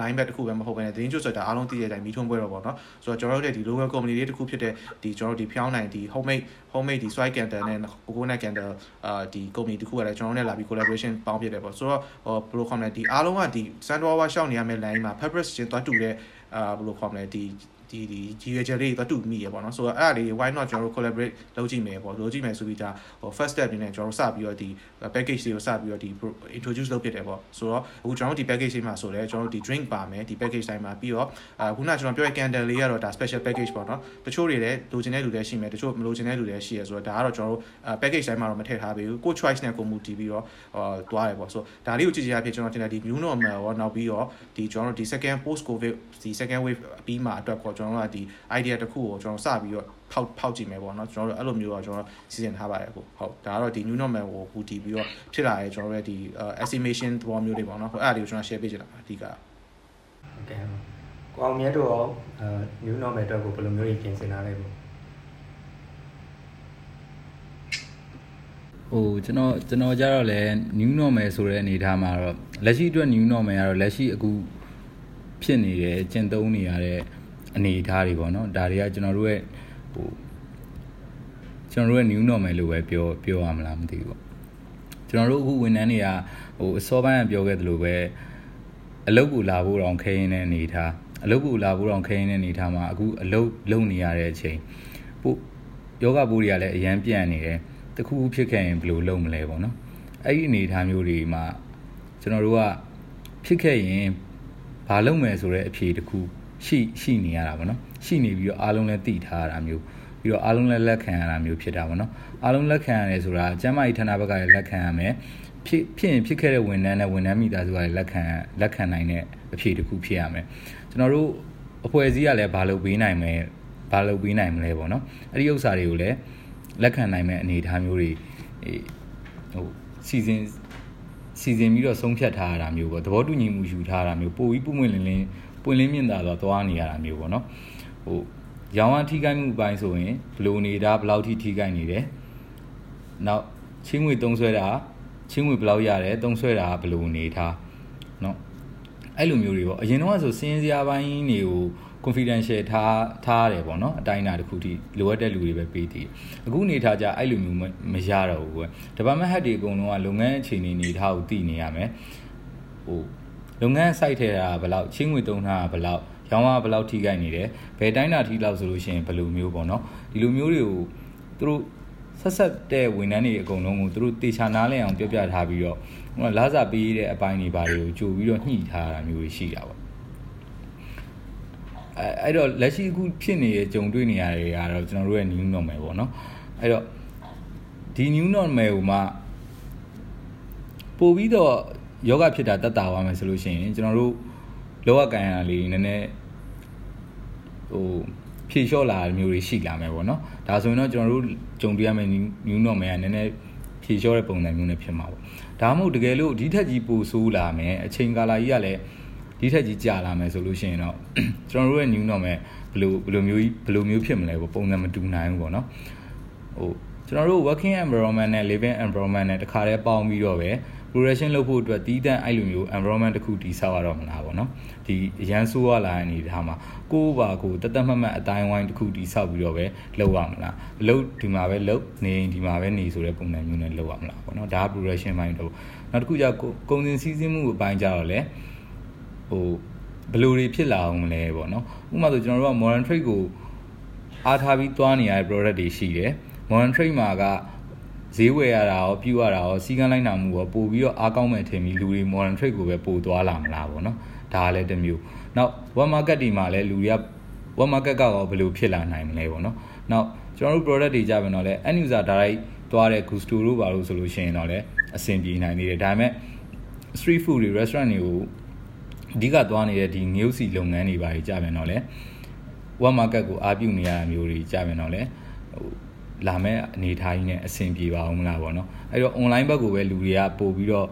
ဟို online မှာတဲ့အလေးထားကိုပဲသွားမလားကျွန်တော်တို့က online ဘက်ကိုပဲအယောင်အယောင်ရအောင်သွားမလားပေါ့နော် customer စီကိုကျွန်တော်တို့ delivery ဘယ်လိုလုပ်မလဲဆိုတဲ့အပိုင်းနဲ့ကျွန်တော်တို့ production လုပ်တာ safe ဖြစ်အောင်ကိုပိုင်အဝင်းဝိုင်းတစ်ခုနဲ့ဘယ်လိုလုပ်ရမလဲပေါ့နော်ဒါအရန်ဆိုးရရင်ဖြစ်လာမယ်ကျွန်တော်ကျွန်တော်ကျွန်တော်တွေးမိတဲ့ကျွန်တော်တို့ကင်ကျုံ ဟိုကင်တွေရမယ် new new normal ပုံစံလို့ပေါ့နော်တွေးမိတာပါဟုတ်ဟိုဘာလို့လဲကျွန်တော်တို့ကကြားရလေဒါဟို work from နဲ့အပြေးရနေရဆိုတော့လေကျွန်တော်တို့ကတော့အဲ new normal ဒီ covid ကြီးတကယ်ပြီးသွားရဆိုလို့ရှိရင်တော့ကျွန်တော်တို့ကဒီလိုပုံစံမျိုးပဲဆက်ပြီးဖြစ်သွားဖို့များတယ်ပေါ့နော်အလုပ်တွေဆိုလည်းအဲအိမ်မှာပဲအေးအေးဆေးဆေးလုပ်ကြဖို့အရေးကြီးရဲ့ meeting မျိုးတွေရှိနေ brainstorming လုပ်ချင်တဲ့အခါမျိုးတွေမှာဒါဒါရုံးမှာလာစုကြမယ်ပေါ့နော်အဲ့လိုမျိုးတော့ကျွန်တော်တို့ကဟိုတွေးတာရပေါ့ work from နောက်ပိုင်းတော့ work from ပုံများလာမယ်ပေါ့အဲ လက်ရှိကျွန်တော်တို့ plan ထားတဲ့ဟောအခုအချိန်မှာလည်းဟိုဒီ brainstorming လုပ်တာတော့ meeting လုပ်လာပဲနည်းနည်းအခက်အခဲရှိတာပေါ့ကျန်တာတော့အဆင်ပြေနေရပေါ့နော်အဲ့တော့ဟိုတကယ်တကယ်ပြန်ပြီးပြင်နေတော့ထွက်လို့ရပြီ covid လည်းတကယ်ပျောက်သွားခဲ့ပြီဆိုတဲ့အချိန်ကြလို့ရှိရင်လည်းဒီလိုပုံစံနီးပါပဲကျွန်တော်တို့မြင်တော့မြင်တော့အဲ့လိုမျိုးပဲဆက်ပြီးဖြစ်သွားဖို့များတယ်ပေါ့နော်လက်ရှိထိတော့အဲ့လိုပဲတွေးနေကြအောင်ပါခုနကပြောလို့ပဲကျွန်တော်တို့အဖြေမရှိတဲ့ပုံစံဖြစ်နေတဲ့အတွက်ဒါမှမဘာထပ်ဖြစ်မယ်ဆိုတော့ကျွန်တော်လည်းမသိနိုင်သေးဘူးပေါ့နော်လက်ရှိအချိန်ထိကတော့အဲ့လိုမျိုးမှန်းလာတာပေါ့ကျွန်တော်ကတော့ဟုတ်တယ်အခု အဲကျွန်တော်လည်းဟို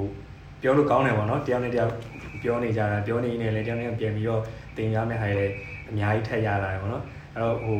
အခုဒါကျွန်တော်တီးသလောက်ဆိုလို့ရှိရင်တချို့တွေဆိုလို့ရှိရင်လည်းကွာဒါအဲကန်ဆိုးတယ်ပဲလည်းပြောရင်ပြောအောင်ပါပေါ့နော်တချို့ဒီလုပ်ငန်းစလိုက်ပြီးတော့မှကိုဗစ်နဲ့လုံးဝကွက်တီကြုံတဲ့လူတွေရှိတယ်ဒီဆိုတော့လုပ်ငန်းသေးဆိုတာကျွန်တော်လည်းဟိုလုပ်ငန်းတွေစလုပ်လာကြတာအကုန်လုံးသိရအောင်နော်လုပ်ငန်းစကားစားအချိန်ကအင်တာမတ်ခတ်တာကို ခက်တယ်ဆိုတော့ဟိုဝန်ထမ်းလာကပေးဖို့တော့အနိုင်နိုင်စပြီးတော့ရုံးကန်နေကြရတဲ့အချိန်မျိုးအဲဟိုလူလေးနှစ်ယောက်သုံးယောက်လောက်နဲ့စတဲ့လူတွေလည်းရှိတယ်တချို့ဆိုလည်းကိုယ့်ရဲ့ main အလုပ်ကိုထွက်လိုက်ပြီးတော့ကိုယ်ပိုင်လုပ်ငန်းစကြရတယ်ပေါ့နော်အဲ့လိုလူမျိုးတွေကြတော့ဒီ covid မှာနည်းနည်းလေးကန်ဆိုးတယ်ပဲပြောရမယ်ပေါ့သူတို့ဝင်လိုက်တဲ့ဟာကအဲသူတို့အမားကြောင့်လည်းမဟုတ်ဘူးပေါ့နော်ဒါကန်တရားဟိုအဲ့လိုမျိုးဖြစ်သွားတဲ့ခါမျိုးကြတော့ဒါအဲ့လိုလူမျိုးတွေအတွက်ပေါ့အကိုတို့အနေနဲ့အာဘာအကြံပေးခြင်းလဲပေါ့နော်ပြီးတော့ဒါလုပ်ငန်းလက်ရှိလည်နေတဲ့လူတွေမှာလည်းဟို ဘလို့မှပြန်ပြီးလှည့်ထုတ်လို့မရဘဲနဲ့အခက်အခဲဖြစ်သွားတဲ့လုပ်ငန်းတွေအတွက်ဆိုရင်ရောအကိုတို့အနေနဲ့ဟိုအကြံပေးစကားပေါ့နော်အဲ့ဒီဟာလေးအာကွန်မြတ်အရင်ပြောပေးပါอืมကြံပေးကြံပေးဆိုတော့လည်းအကြံအကြံမပေးလို့ရမှာပေါ့နော်ဟိုကိုပါကိုပါဖြစ်နေတယ်ဆိုတော့ကိုအနေထားကိုတိုင်းကိုတိုင်းဒီဆုံးပဲဆိုတော့ကျွန်တော်တို့ကတော့ဟိုပြောပြောပြောတော့ပြောပြောရပါမယ်ဟို ကိုကိုအခြေအနေဒါကိုကိုအတီးဆုံးဖြစ်မှာပါဒါပေမဲ့လည်းဟိုဒီလိုခက်ခဲကြမှာမှလုံနိုင်တယ်ဆိုလို့ရှိရင်တော့လေအခွင့်အရေးတစ်ခုတော့ရမှာပါအဲအဲ့အဲ့လိုပဲမြင်တယ်ကျွန်တော်မိတ်ဆွေအချို့မှာလည်းအဲဒီလိုမျိုးရက်ရက်နေလိုက်တာရက်တန်းလိုက်တာအချိန်ကြီးစောင့်ကြည့်တာမျိုးတော့ရှိတယ်ကျွန်တော်သဘောရဆိုလို့ရှိရင်တော့ကိုယ့်ချိန်ကြီးကိုကြည့်ပါကြည့်ပြီးတော့လှုပ်တာကင်တာရှိတယ်လှုပ်လို့ရနိုင်တယ်ဆိုလို့ရှိရင်တော့လှုပ်လို့ရသလောက်နဲ့တော့အကောင်းဆုံးလှုပ်ပါပေါ့နော်အဲ့အဲ့လိုပဲအားပေးစေချင်ပါတယ် ကိုယ်တိုင်လည်းအတွေ့အကြုံရတော့ဒီကာလမှာသူများတွေနားနေတဲ့အချိန်တွေမှာကိုလုံနိုင်နေတယ်ဆိုလို့ရှိရင်ကို product က engagement ရသွားတာမျိုးတွေရှိတယ်ဈေးကွက်ထဲကတချို့ product တွေနားသွားတဲ့အချိန်မှာအဲ့ product တွေနေရာမှာကျွန်တော်တို့ engagement ရပြီးတော့အဲဒီ first rate အတွေ့အကြုံပေါ့နော် first rate ပြီးသွားတဲ့အခါမှာကျွန်တော်တို့အယောင်တစ်ခုတင်ကြံခဲ့တဲ့ experience လေးရှိတယ်ဒါဒါတွေကိုလည်းချိန်ထိုးပြီးတော့အကြံအကြံပေးတာပါလုပ်လို့ရရင်တော့ရသလောက်တော့ လုပ်လုပ်ကြည့်ကြပါလို့ပဲအကြံပေးခြင်းပါတယ်ကျွန်တော်အနေနဲ့ရောဗာပြောချင်သေးလဲကျွန်တော်ဟုတ်အာဒီမှာတော့ဟုတ်ကျွန်တော်အထွေထူးတော့အရင်တော့ပြောကြအောင်မရှိပါဘူးကိုအောင်မြတ်ပြောသူပဲပေါ့ခုနဒီမှာတော့သွားတူတယ်ကိုအောင်မြတ်နဲ့ကျွန်တော်လည်းအမြင်ချင်းอ่ะပေါ့နော်အာကျွန်တော်ထင်တာကလည်းဒါကလည်းကျွန်တော်တို့ဒီနောက်ဆုံးကဒီ FMB လည်းဖြစ်တယ်နောက်တစ်ခုကကျတော့ကျွန်တော်ထင်တာဒီခုနကျွန်တော်ပြောသလို first wave နဲ့ဒီ second wave အကူပြောင်းကြားမှာခုနကိုအောင်မြတ်ပြောသလိုပေါ့ဟို ဒီကိုယ့်ရဲ့ပေးထားတဲ့အခြေအနေတွေကိုတစ်ချက်ပြန်သုံးသပ်ပါနောက်ပြီးတော့နောက်တစ်ခုကကျတော့ဒီ especially ဒီအခုမှစဒီနှစ်ဒီနှစ်ပိုင်းပေါ့2020စနှစ်ပိုင်းမှာစတဲ့လုပ်ငန်းတွေဆိုတော်တော်များများတော့ကျွန်တော်ထင်တာဒါ အာဒီ covid ကြီးကြောင့်လည်းသူတို့ဘယ်လိုခေါ်မလဲနည်းနည်းဟိုစားလုပ်တဲ့ first business ဖြစ်ရင်တော့ပိုဆိုးတာပေါ့နော်ဆိုတော့နည်းနည်းလန့်သွားမဲ့လူတွေလည်းရှိမှာရှိကောင်းရှိနေမယ်ပေါ့ဆိုတော့အဲ့မှာကျွန်တော်ကဘာအကြံပေးနေဆိုတော့ကျွန်တော်တို့မှလည်းအဲ့လိုမျိုးအခက်အခဲလေးဒီတွေးခဲ့ရတွေးခဲ့ရဆိုတော့ဒါတော့ကျွန်တော်တို့ကဒါဟိုဒုတိယနှစ်ထဲကိုစဝင်နေပြီပေါ့နော်2020အစပိုင်းမှာဆိုတော့ကျွန်တော်ကအဲ့မှာဘယ်လိုခေါ်မလဲဒီအာကျွန်တော်တို့ရဲ့ဒီဝန်ထမ်းတွေဘက်ကလည်း request လုပ်တာလည်းရှိရပေါ့ဆိုတော့ကျွန်တော်တို့အဓိကတော့ကျွန်တော်ဒီ production ပိုင်းစက်ရုံပိုင်းပေါ့ဒီ first wave အပြီးမှာဒီအသေးပြောက်တွေကလည်းတဖြည်းဖြည်းပိုတက်လာတယ်အာပြီးတော့ဒီ အာခေါ်မရက်တန့်သွားတာဆိုတော့သူကလည်းဟိုအရင် completely zero ဖြစ်သွားတယ်လည်းမဟုတ်ဘူးပေါ့နော်ဆိုတော့အဲ့မှာသူတို့ကဘာဟိုဖြစ်လဲဆိုတော့ဒီဝန်ထမ်းတွေဘက်ကလည်းသူတို့ production ကိုဒီအာအချိန်တိုင်းတာတူဒီနားမလားဆိုတော့ request သဘောမျိုးပေါ့ဆိုတော့ကျွန်တော်တို့ဒီ management ကိုတင်လာရှိပါတယ်ဆိုတော့ကျွန်တော်တို့လည်းအဲ့မှာပြန်ပြီး review လုပ်တယ်ဆိုတော့အဲ့မှာ decision မှာကျွန်တော်တို့ကဘာကိုသွားပြီးတော့ဟိုလုပ်လိုက်လဲဆိုတော့အမှန်ပါတယ်ကျွန်တော်တို့လည်းဒီ sacrifice ခုနကကျွန်တော်ပြောသလိုလုပ်ခဲ့ရတယ်ရှိတယ် ဆိုတော့အဲ့မှာဒါကျွန်တော်တို့ကပြန်ပြီး review လုပ်ပြီးတော့ကျွန်တော်တို့ကဒီဆက်သွားဖို့ဆက်သွားဖို့ဆိုတာဒီကိုယ့်ရဲ့ဒီလုံနိုင်တဲ့ capacity ပေါင်းတွင်းရပါတော့ဆက်သွားဖို့ကျွန်တော်တို့ဒီ management ကလည်းဆုံးဖြတ်လိုက်တယ် ဆိုတော့အဲ့ဒါကြောင့်ဒီမှန်ကန်တဲ့ဆုံးဖြတ်ကြောင့်မို့လို့လည်းကျွန်တော်ထင်တာခုနကကိုအောင်မြတ်ပြောသူ product engagement ရောနောက်ပြီးဒီ product streaming သဘောမျိုးပေါ့အဲ့ဒါတော့လုံးဝဒီ customer base နဲ့လုံးဝအမြင်မပြတ်သွားပဲနဲ့မှန်တယ်ကျွန်တော် site တွေအကုန်လုံး temperature shutdown ဖြစ်ဖြစ်ဖြစ်သွားခဲ့သည့်တိုင်အောင်မှခုနကကျွန်တော်ပြောသူကျွန်တော်ဒီ online အနေနဲ့စင်ဒီ online factory direct delivery system လို့နောက်တခြားဒီ customer နဲ့အဓိကတော့ customer base ကိုကျွန်တော်ကလုံးဝအမြင်မပြတ်ချင်တာပေါ့အဲ့ဒါလေးကိုကျွန်တော် maintain လုပ်နိုင်တဲ့အတွက်ကြောင့်မလို့ဘယ်လိုခေါ်မလဲခုနက comment ပြောသလိုဒီဒါကို result တစ်ခုအနေနဲ့တော့သူကြံခဲ့မှာပေါ့ဒီ second first wave နဲ့ covid ဒီဒုတိယ wave ကြားမှာ first wave နဲ့ second wave အခုပြောင်း transition period လေးမှာပေါ့နော်ဆိုတော့အဲ့ဒါကြောင့်ကျွန်တော်တို့အခုဒီ especially အခုမှစလုပ်တဲ့လုပ်ငန်းတွေဟာတွေကိုလည်းကို decision တစ်ခုချပြီးဆိုတော့အဲ့ဒါလေးကိုဆက်ပြီးတော့လုပ် လုပ်ဖို့ကျွန်တော်တိုက်တွန်းနေတာပေါ့နော်ဟိုလုပ်နေပြီးသားကျွန်တော်တို့ထပ်ပို့ပြီး experience ရှိတဲ့လုပ်ငန်းတွေကတော့အများကြီးပါဒါတွေကတော့ကျွန်တော်တို့ထပ်တောင်ပို့ပြီးတော့တို့ကနားလည်မှာပါကျွန်တော်ထင်တာတော့ဒါပေမဲ့လည်းခုနကျွန်တော်ပြောတော့ကျွန်တော်တို့ရဲ့ဒီကျွန်တော်ကျွန်တော်တို့ဒီစကားဝိုင်းလေးရဲ့ဟိုပါပေါ့ရည်ရွယ်ချက်လေးကတော့ကျွန်တော်ထင်တာဒီအခုမှစပြီးတော့ဒီအာဘယ်လိုခေါ်မလဲစပြီးအာ first business အနေနဲ့ရောနောက်ပြီးတော့ဒီ startup business အနေနဲ့ရောအများကြီးထောက်ကူဖြစ်မယ်လို့လည်းကျွန်တော်မျှော်လင့်ပါတယ်ဆိုတော့ကျွန်တော်ကတော့အဲ့ဒါလေးကို encourage လုပ်ချင်ပါတယ်ကို decision ချပြီးလုပ်မယ်ဆိုရင်တော့ဒါလေးကိုဖြစ်အောင်ဆက်လုပ်ပေးပါလို့เนาะအဲ့ဒါလေးတော့ကျွန်တော်ဟောကျွန်တော်ရဲ့ idea လေးပါကိုဟုတ်ဟုတ် ဒါအခုကျွန်တော်သိရလိုက်တာကတော့နှစ်ယောက်လုံးပြီးသွားတဲ့ကြံကတော့အာကိုလုပ်ငန်းကြောင်းကိုသိပေါ့နော်ပြီးတော့ကိုထားရတဲ့ tag ကိုကိုတိုင်းကိုမဖြစ်မနေလို့ပေါ့ဒါဒီလိုမျိုးစီးပွားရေးလုပ်တာတော့ဒီလိုခက်ခဲရရှိမှာပဲပေါ့နော်အဲ့ဒီဟာကိုရအောင်ကြော်ဖြတ်ဖို့ပေါ့အကောင်ဆုံးပုံလို့ဒါကိုဗစ်ချိန်မှာကျွန်တော်မြန်ကြတော့ကိုဗစ်ချိန်မှာစားရတဲ့လူကကြတော့အာခုဆို new normal ပေါ့နော်သူ့အနေနဲ့ကိုဗစ်ချိန်မှာကွက်တိစားရတဲ့အတွက် new normal တော့မဟုတ်တော့သူ့အတွက်က normal ပဲဖြစ်သွားတော့ ဒါတော့ကျွန်တော်အတွေ့ကြတော့အဲ့လိုမျိုးမြင်တာပေါ့နော်ကျွန်တော်တို့ခုခက်ခဲနေတာကျွန်တော်တို့ကအရင်ကလုပ်ခဲ့တဲ့ဟာတွေကြောင့်ခုကျွန်တော်တို့မတူတော့တဲ့ဟာကိုကျွန်တော်တို့ခက်ခဲလို့ခံစားတာခုမှစားတဲ့လူအတွက်ကကိုဗစ်ပြီးသွားရင်တော့သူ့အတွက်ကပိုတော့အချိန်ရအောင်မယ်လို့ကျွန်တော်တို့ထင်တယ်ပေါ့နော်ဒါတော့ကျွန်တော်ယူဆကြပေါ့အဲ့တော့ဒါဟိုအားလုံးလည်းတောင်းပါတယ်ကျွန်တော်ကင်မရာက error တက်သွားတဲ့အတန်လေးကြားနေရတယ်ဆိုတော့ဟုတ်ဒါဆိုရင်ကျွန်တော်လည်းအချိန်လေးလေးနည်းနည်းဟွာဖြစ်လာပြီဆိုတော့ကျွန်တော်တို့ live လေးကိုဒီမှာအဆုံးသတ်မလားပေါ့နော်အကိုတော့ဘာဟိုပြောချင်တာရှိအောင်လဲပေါ့ ဟုတ်ကျွန်တော်အနေနဲ့ကတော့အအဓိကတော့ဘယ်လိုခေါ်မလဲခုနပြောသလိုပေါ့ဒီကျွန်တော်တို့ကိုဇော်မင်းတင်လည်းကျေးဇူးတင်ပါတယ်ကိုကောင်းမြတ်ကိုပဲကိုဇော်မင်းတင်တော့ specially ပေါ့ဒီကျွန်တော်တို့ Pixelium Group အနေနဲ့ရောနောက်ဒီကျွန်တော်တို့နှစ်ယောက်ဒီကျွန်တော် startup ကျွန်တော် startup အနေနဲ့ပေါ့နော်ကျွန်တော်တို့ဒီ fake copy ရဲ့အတွက်ဒီစကားဝိုင်းတွေကျေးဇူးတင်ပါတယ်အာအဓိကကျွန်တော်ဒီမှာပေးချင်တဲ့ message ကပါလဲဆိုတော့အာဘယ်လို comment ဒီဒီလိုမျိုးကျွန်တော်ဟိုဘယ်လို expect လုပ်တာပေါ့နော်ဒီလိုမျိုး sharing ဒါကတော့ကျွန်တော်တို့ဒါ3ယောက်အပြင်မှာလဲကျွန်တော်ခင်ခင်မြင်နေပေါ့နော်ဆိုတော့အာဘယ်လို comment ဒီလိုမျိုးဟာမျိုးလေးတွေကို ဟို similarly ပေါ့နော်ဥမာဟိုကျွန်တော်တို့ထဲမှာမဟုတ်ပါဘူးဒါကိုကိုယ့်ရဲ့လက်လမ်းမီတလောက်လေးတွေကို sharing လုပ်ပေးကြပါဘောနော်ဘယ်လို comment ဒီ public sharing လုပ်ပေးနိုင်တော့ပိုကောင်းတာပေါ့ကျွန်တော်ကတော့အဲ့ဒီ positive message တွေကိုဒါဘယ်လို comment spread လုပ်ပေးချင်တယ်ဒီကျွန်တော်တို့ community မှာမဟုတ် FME community မှာမဟုတ်ဘူးနောက်ကိုစော်မင်းတို့လိုဒီ media company company မှာမဟုတ်ဘဲနဲ့ဒီဒီ industry အကြီးတွေပေါ့ကျွန်တော်ထင်တာ industry အားလုံးအားလုံးတွေဒီလိုမျိုး individual group တွေစုပြီးတော့မှပဲဟို changes နဲ့ sharing နဲ့လုပ်လို့ရှိရင်တဖြည်းဖြည်းဟိုဘယ်လိုပြောမလဲဒီအရှိန်ရော momentum လေးကပိုရလာနိုင်မလို့ကျွန်တော်ထင်တာပေါ့နော်အဲ့အမှလည်းကျွန်တော်နိုင်ငံလုံးတိုင်းတာနဲ့ဆိုရင်တော့ဒီဟိုဘယ်လိုခေါ်မလဲအားလုံး discipline နဲ့ဖြစ်ရမယ်ပြီးလို့ရှိရင်ဒီလိုမျိုး knowledge sharing တွေများများလုပ်ပေးခြင်းအပြင်ကျွန်တော်ထင်တာ negative tag ကို positive ကတော့ပို့ပြီးတော့အာ spread out ဖြစ်မယ်လို့ထင်ပါတယ်ကျွန်တော်ထင်တာဒီ community ဘယ် community မှာမဆိုပေါ့နော်ဟုတ်ကျွန်တော်ကတော့အဲ့အလေးနဲ့ suggestion လုပ်ချင်ပါတယ်ကောမြောက် share ပြပါဦးမှန်ပါတယ်ကိုอืม ကျွန်တော်ကျေးဇူးတင်စကားပဲပြောပြောပါတော့မယ်ကိုစောမင်းတွေကိုလည်းကျေးဇူးတင်ပါတယ်ကျွန်တော်တို့အခုလိုမျိုး share ဝင်ပေးရတဲ့အတွက်ကြောင့်မလို့လေနော်နောက်ပြီးတော့ကြည့်ရှုကြည့်ကြည့်ပေးနေတဲ့လူတွေလည်းကျေးဇူးတင်ပါတယ်လို့အဲဆိုကျွန်တော်လည်းအကိုတို့နှစ်ယောက်လုံးကျေးဇူးတင်ပါတယ်အားရကြတဲ့ဟိုအချိန်လေးပေးပြီးတော့ ကျွန်တော်တို့ရဲ့ဒီနေ့စကားဝိုင်းလေးကိုဖြစ်အောင်လုပ်ပြီးတော့เนาะပြီးတော့ကျွန်တော်တို့လည်းဒါဟို comment တွေမှာမေးကြတာတွေလည်းတွေ့တယ်เนาะအဲ့ဒီဟာတွေကိုလည်းကျွန်တော်တို့ပြီးရင်အာဖတ်ကြည့်ပြီးတော့တစ်ခုစီကိုသက်ဆိုင်ရလူလိုက်ကျွန်တော်တို့၃ယောက်ထဲကနေဖြည့်ပေးသွားပါမယ်ပေါ့เนาะအဲ့တော့အာအားလုံးပဲကြည့်ပြီးတဲ့အတွက်လည်းကျေးဇူးတင်ပါတယ်ကျွန်တော်တို့နောက်ပတ်ဒီမှာလည်းဒီထက်ပိုကောင်းတဲ့ webinar လေးလုပ်နိုင်အောင်လို့ကျွန်တော်တို့ထပ်ပြီးကြိုးစားကြပါဦးမယ်အားလုံးပဲကျေးဇူးတင်ပါတယ်တတာ ဟုတ်ဒီမှာဟုတ်ဒီမှာ